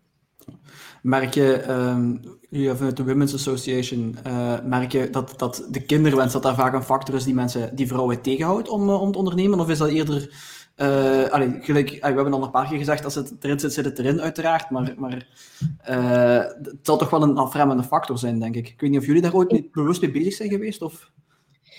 Ja, voor mij nee, dat zat erin en dat was, dat een kwestie van tijd. Um, en inderdaad, met de juiste ondersteuning ging het ook gewoon lekker door, de zaak. En de kinderen, ja, dat was, ja, dat was erbij, je moest er maar... Maar jij was al begonnen uiteraard, hè? Ik denk, als je één keer bezig bent, dan heb je die routine voor een groot stuk en dan is het een kwestie van verantwoordelijkheid af te geven. Maar als je nog moet starten, en stel je bent 33, je wilt starten en, en, en je, je, denkt aan kinderen met je partner, denk ik dat dat dan wel een, een, een belangrijke factor is. Het speelt een rol, hè. En ik denk dat het meer vanuit de, de evolutie speelt een rol van, kijk, Um, inderdaad, praktisch gezien, eh, opvang, geen opvang duur, niet duur. Allee, de planning, geen grootouders in de buurt, dat speelt allemaal een rol. Maar ik denk eenmaal, als je echt een kind wilt, dan is dat echt geen issue. Je vindt wel een manier. Maar als je nog twijfelt, en vaak, je bent er nooit klaar voor met de eerste, denk ik dan, behalve bij Doreen, Doreen wist het, maar meestal eh, weet je het niet. Van ja, ik, ik wil het wel, maar ik weet nooit wanneer. Um, en vaak wordt het te veel uitgesteld.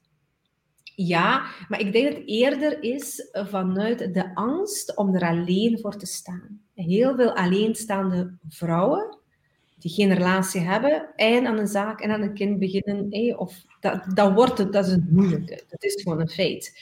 Vrouwen zijn uh, inderdaad risicoavers, maar eerder van shit, als ik zonder partner achterblijf, hoe zorg ik financieel voor mijn kinderen?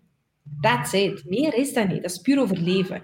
En uh, als je dat kan wegnemen, die angst, en het kan een beetje relativeren of kaderen, als we het hier over België hebben, dan inderdaad met de juiste community, en het belang daarvan is dus heel belangrijk, dat je een sociaal netwerk hebt om inderdaad even klankbord te hebben van hoe heb je dat aangepakt met de kleine en je bent alleenstaande, dan kunnen wij daar wel iets aan doen. Dus ik ben nog altijd van overtuigd, van overtuiging van wij hebben meer ondernemers nodig. En we degenen die daarvoor gemaakt zijn, of kunnen we een beetje naar kneden, daar wil ik zeker uh, meer connectie leggen met die dames.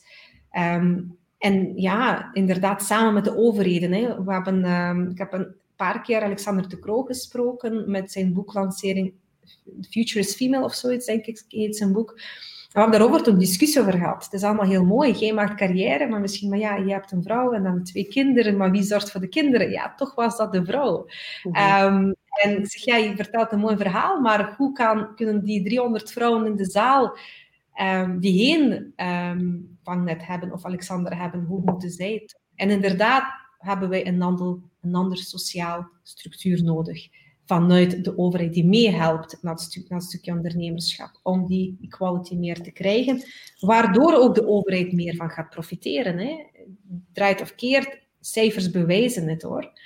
Dus uh, ja, het speelt een rol en op overheidsniveau kunnen we heel veel aan doen. Uh, en met juiste initiatieven, en soms is het gewoon jouw klein netwerk, uh, kan het ook wel. Maar twijfel je daaraan? Ik heb zo onlangs, in november, december, had ik een gesprek met een klant van mij die gestart was als onderneemster in de COVID, heel erg vanaf gezien. Eigenlijk, ik denk dat ze haar boek had moeten neerleggen. Maar zij was zwanger ook geworden in COVID-tijd. Dus heel productief doorgebracht. En ik zei proficiat, want ze wou heel graag worden. Maar zij zei, maar tegelijkertijd, Julia, start ik met een nieuw project. En ik ben niet goed bezig volgens mij. En ik ben niet productief genoeg. En ze was acht maanden zwanger. Hè. Ik zei, lieverd, adem.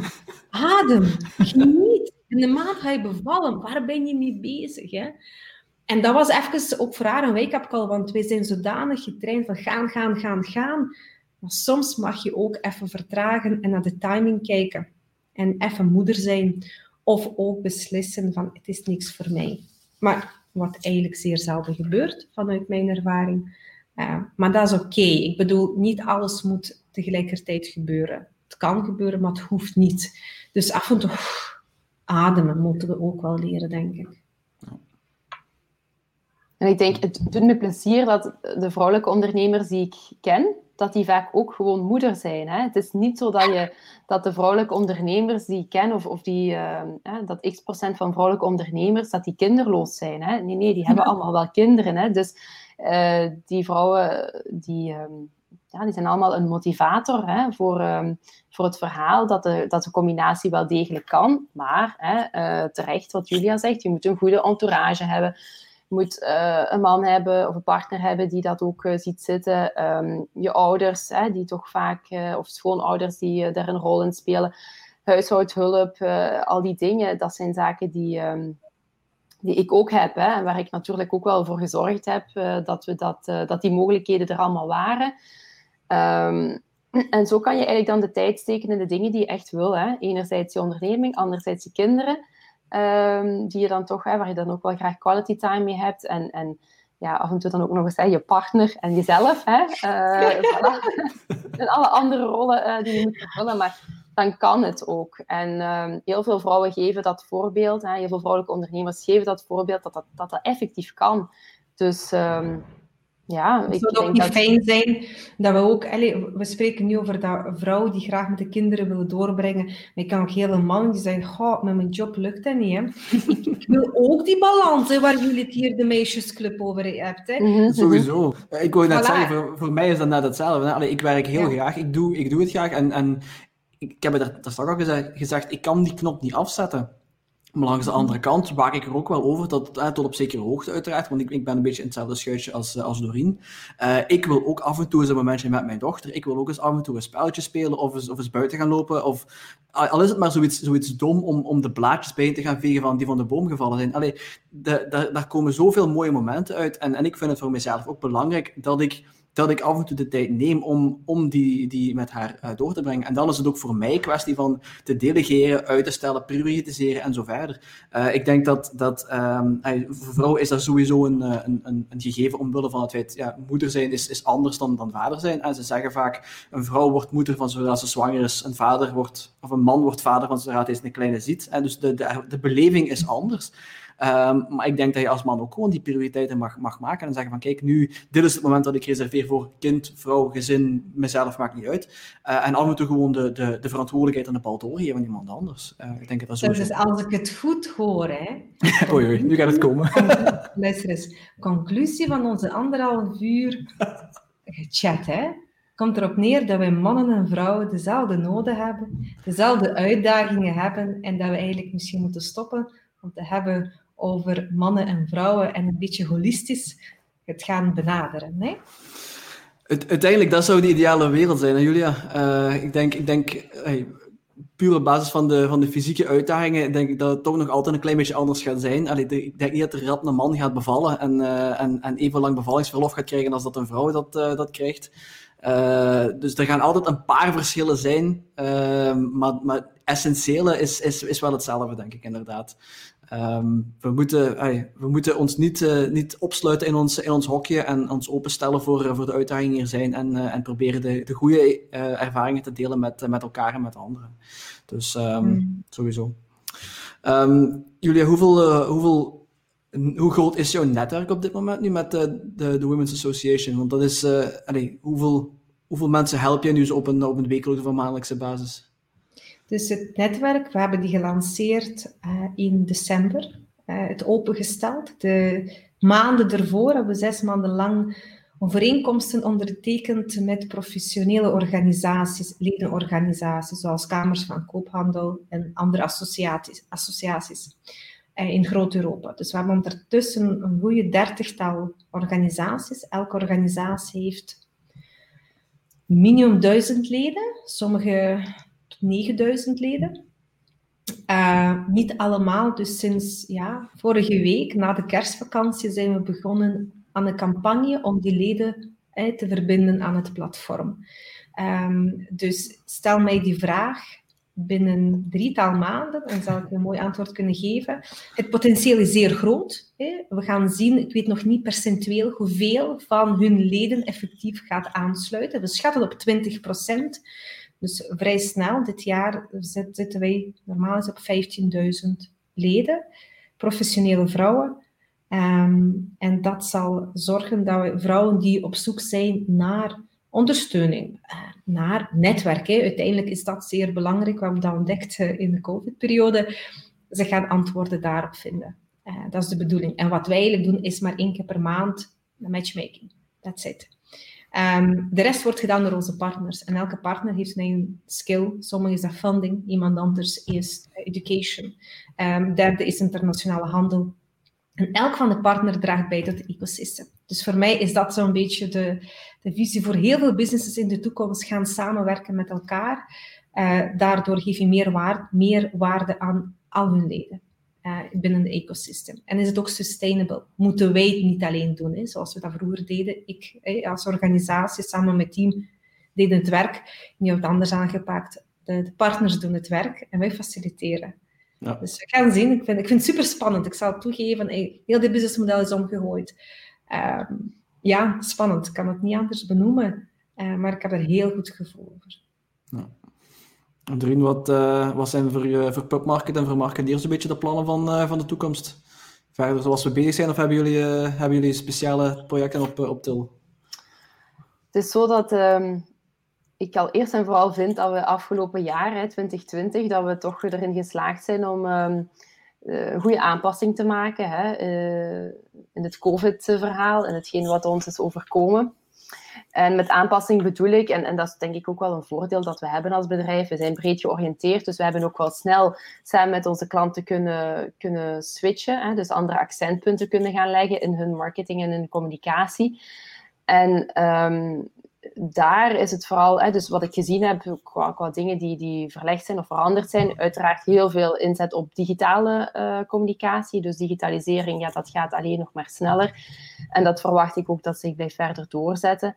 Um, maar ik zie ook dat bedrijven eigenlijk toe zijn aan zich een beetje heroriënteren, hè, herpositioneren in de markt en zich de vraag stellen van hetgeen dat ik breng, hè, uh, de, de, dienst die ik breng bijvoorbeeld, of het product dat ik in de markt zet, is dat, uh, welke relevantie heeft dat? Hè? Is dat uh, nog altijd hetgeen waar mensen of andere bedrijven nood aan hebben?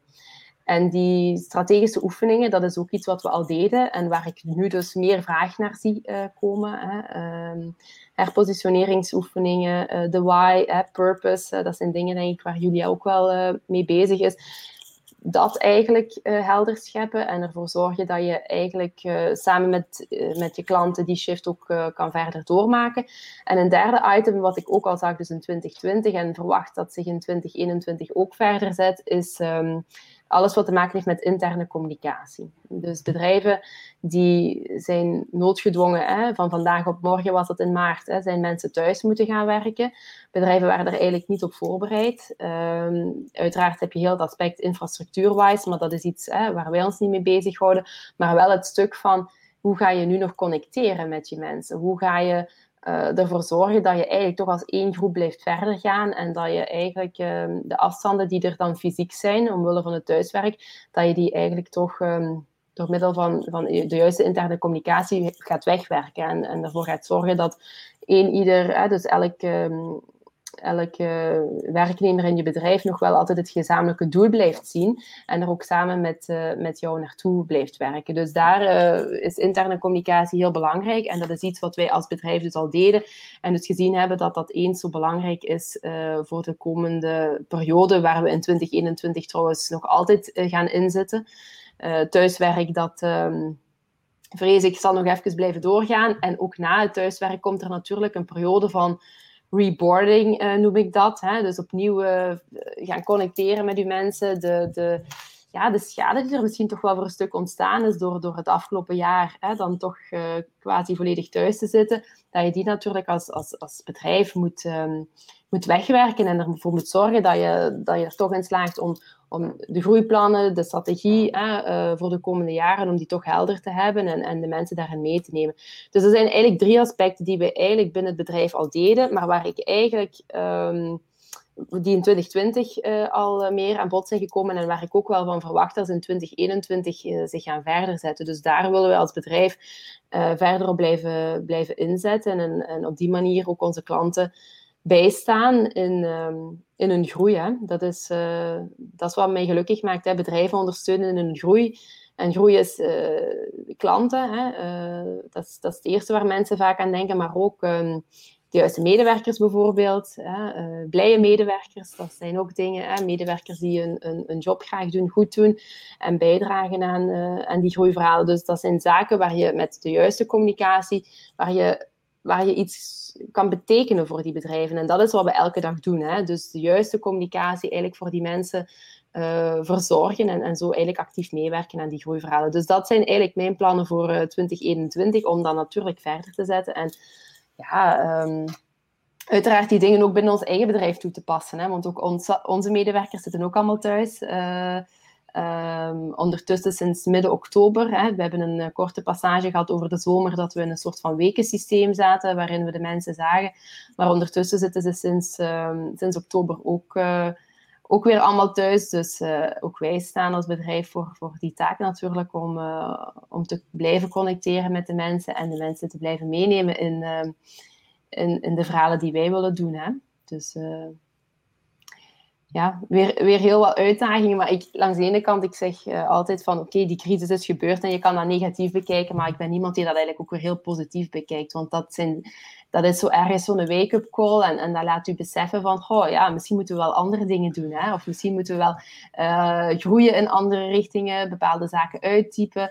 En um, ja, ja dat, dat, dat geeft ik denk, ik denk dat het voor een stuk een kwestie is van de, de, de, het virus heeft een deur open gedaan die we, die we vroeger dachten dat die op slot was. Ik geloof dat uh, dat, dat, is, dat is experiment, denk dat de film is, dat, uh, dat mensen denken dat ze opgesloten zijn, dat de deur eigenlijk gewoon constant open is. Uh, ik, ik, denk dat, dat COVID, het is inderdaad een crisis geweest, heeft onze hele manier van werken overhoop gegooid, maar het is ook puur voor een groot stuk denk ik dan, omdat we, dat we die, die, die richting niet zijn durven uitgaan, of niet zijn willen uitgaan, uh, om welke reden dan ook. En dat zal dan waarschijnlijk voor een heel groot stukje angst zijn. En nu, nu hebben we dat moeten doen, misschien een beetje feller dan dat, uh, dan dat ons lief was, maar uiteindelijk raken we daar ook wel door. Hè. Um, dat is ja, een beetje wat je daar straks zei van Innovatie wordt een belangrijke. Hè? Ja, je, moet, je, moet, innoveren. Het is, niet, het is niet van ik wil het, je moet het. Um, als je wilt overleven, hè, deze crisis. En innovatie kan in verschillende richtingen, kan in diepte, in de breedte, in de hoogte. Um, ik spreek volgende maand op innovatieforum in Bulgarije. En echt geweldige topics. Je moet eens gaan googlen van andere sprekers. Hè. Um, dat, dat, dat, is, dat is gewoon... Iedereen is ermee bezig. Vaak grote spelers, Um, we hebben gisteren met Coca-Cola gebeld. Ja, ze hebben ook de budgetten, maar ze zetten dat niet altijd door, de ideeën of de, de, innovatieve projecten. En een kleinere KMO kan dat eigenlijk veel dieper en veel, vind ik, beter doen. Dus dat is inderdaad een mooie opportuniteit om dingen om te gooien, te gaan brainstormen, soulstormen. Echt, uh, ik pas vaak de design thinking strategies toe um, binnen bedrijven als ik daar ga werken. En dat is geweldig wat eruit komt, omdat het nu moet en kan en veilig genoeg is om, allez, let's do it, we een keer helemaal wilden. What if? En dat is een beetje voor ons met de sleutel um, tot de deur, die eigenlijk blijkbaar niet op slot was volgens u. Inderdaad, maar innovatie is de, is de way out. En ook naar, naar, naar thrive. Niet enkel survive, hè. we gaan niet meer moeten overleven, maar thriven renovation. Dat is zo'n beetje de, ik denk, hot topic voor de komende jaren, ook voor kleine, kleinere KMO's hoor. Uh, dus ik ben eens benieuwd wie overblijft, wat gaat er allemaal uitkomen. Um, ik vind het eigenlijk heel spannend. Dus nee, ja, mixed feelings. Uh, maar tegelijkertijd, met heel veel dankbaarheid heb ik 2020 afgesloten. Want het heeft inderdaad de deur open gedaan naar een ecosysteem waar ik eigenlijk niet durf naar kijken. Het was veel te ver en ooit later, ja, zwart, kijk, het is, niet, het is nu, het is niet later. En je gaat het doen. En je leert er in je leven, zoals inderdaad kinderen opvoeden en je bedrijf runnen en, en een echtgenote zijn. Dat kan allemaal. We zijn zeer, uh, mankind of de mensen zijn zeer flexibel hoor. Als het echt mm -hmm. op eraan komt, we kunnen veel meer dan we denken. Dat hebben we nu gezien met COVID. En het mooie is eigenlijk ook dat de, de plannen of de initiatieven waar je al mee bezig was, dat, je, dat die nu er gewoon versneld komen. Hè? Gewoon inderdaad, ja. uh, om de reden die je zegt, Julia, ja, uh, het kan gewoon niet meer anders. Het is zo. En uh, ik denk in, in de periode voor COVID, dan was het heel vaak van, ja, maar gaan we dat wel doen? Misschien dit, misschien dat. En het oude is toch ook wel goed. En nu moet je het gewoon allemaal omarmen, hè? want uh, er zijn eigenlijk geen andere mogelijkheden mee, meer. En dan zie je eigenlijk van, die vooroordelen die er misschien daarvoor uh, over waren, die, die, waren, die waren misschien niet nodig. Hè? Um, we kunnen het toch op die manier doen en het is toch succesvol. En op die manier brengt het ons weer heel veel bij, nieuwe dingen die we daarvoor eigenlijk niet, niet zagen en niet konden doen. En eigenlijk de hele mooie quote van jou, Jan, de deur was niet op slot. Hè. Wij dachten het gewoon. Ja, het is ja. vooral een kwestie van durven, denk ik. En, uh, en uh, dat, uh, dat is sowieso een, een heel goede waar we moeten onthouden. Um, goed, um, Doreen, Julia, ik, ik denk dat we stilaan, dat we stilaan kunnen afsluiten. Um, ik denk dat we ongeveer een, een tweetal uurtjes bezig zijn. Dat is, dat is heel mooi. Ik ga jullie enorm bedanken voor jullie tijd. Ik vond het heel interessant om eens een keer dit, dit aspect van, van het verhaal te horen. Want dat is, dat is mij uiteraard onbekend. For obvious reasons, denk ik dan. Maar het is, het is sowieso fijn om, om bij te leren, um, zowel de, over, over jullie, over jullie, jullie traject en ook hoe jullie het, het ondernemen ervaren. Dus um, ja, ik, ik ga jullie heel hartelijk bedanken voor de tijd die jullie erin hebben gestoken. Um, en ik, ik stel voor dat we, dat we in contact blijven. En misschien kunnen we op een, op een later punt eens even terugkijken hoe, dat, hoe dat de, de ambities en de projecten geëvolueerd ja. zijn. En wat er eigenlijk achter de deur zat waar, waar we niet door durfden gaan eerst. Dankjewel voor de uitnodiging en Jan, dankjewel voor de introductie aan deze top madame um, uit Hasselt. Dus voilà, de wereld is klein en we hadden een man nodig die ons ging introduceren. Dus ja, het is dat. Dus we kunnen niet zonder elkaar. Ik denk dat... Uh... Helemaal niet. niet zonder jullie mannen. Uh, in het verleden zijn er al een paar start-up ideeën zo hier, uh, hier naar boven gegooid. Ik zeg altijd dat ik 10% wil van, uh, van, van wat eruit komt, maar dat, dat, bekijken we later misschien nog wel eens. Nee, houd maar, houd maar. uh, Julia, ook, Jan, hè, absoluut, dank u. En ik vond het ook absoluut een uh, genoegen om, uh, om Julia uh, te leren kennen. En ik ehm, verwacht wel dat we elkaar in de toekomst nog wel eens gaan tegenkomen en gaan spreken. Dus dat, dat. heel erg bedankt voor de introductie en de toffe babbel. Geen enkel probleem. Um, Julia, Doreen, tot de volgende. En, uh, tot de ja, volgende. Veel succes nog met, uh, met de business. Dankjewel. Ja, tot ziens. Hallo allemaal en bedankt voor het luisteren naar deze aflevering van de Business Mindset Podcast. Hopelijk was het voor jou net zo interessant als voor ons tijdens het gesprek en heb je er één of meerdere dingen kunnen uithalen voor jezelf of om anderen te helpen in hun onderneming. Voor meer informatie over mijzelf, de gasten of tools, boeken of concepten die we besproken hebben tijdens de podcast, kan je altijd terecht in de omschrijving van deze aflevering. Heb je genoten van de podcast? Vergeet dan zeker niet om het te delen op social media. Dit helpt ons enorm om te groeien en om een groter publiek te bereiken. En hoe sneller we groeien, des te meer tijd we kunnen vrijmaken voor interessante gesprekken waar we zowel zelf als jullie iets kunnen bijleren. Heb je verder vragen of heb je feedback over wat we besproken hebben tijdens de aflevering? Of tips of verzoeken over onderwerpen die we kunnen behandelen? Of wil je iemand aanraden als gast tijdens de podcast? Laat het dan ook zeker weten. In de omschrijving van deze aflevering vind je een link naar alle social media accounts van de podcast en daar kan je ons altijd op bereiken. Volg ons zeker ook op social media, dan blijf je altijd op de hoogte van de nieuwste ontwikkelingen en van de volgende afleveringen. Thanks again en tot de volgende keer.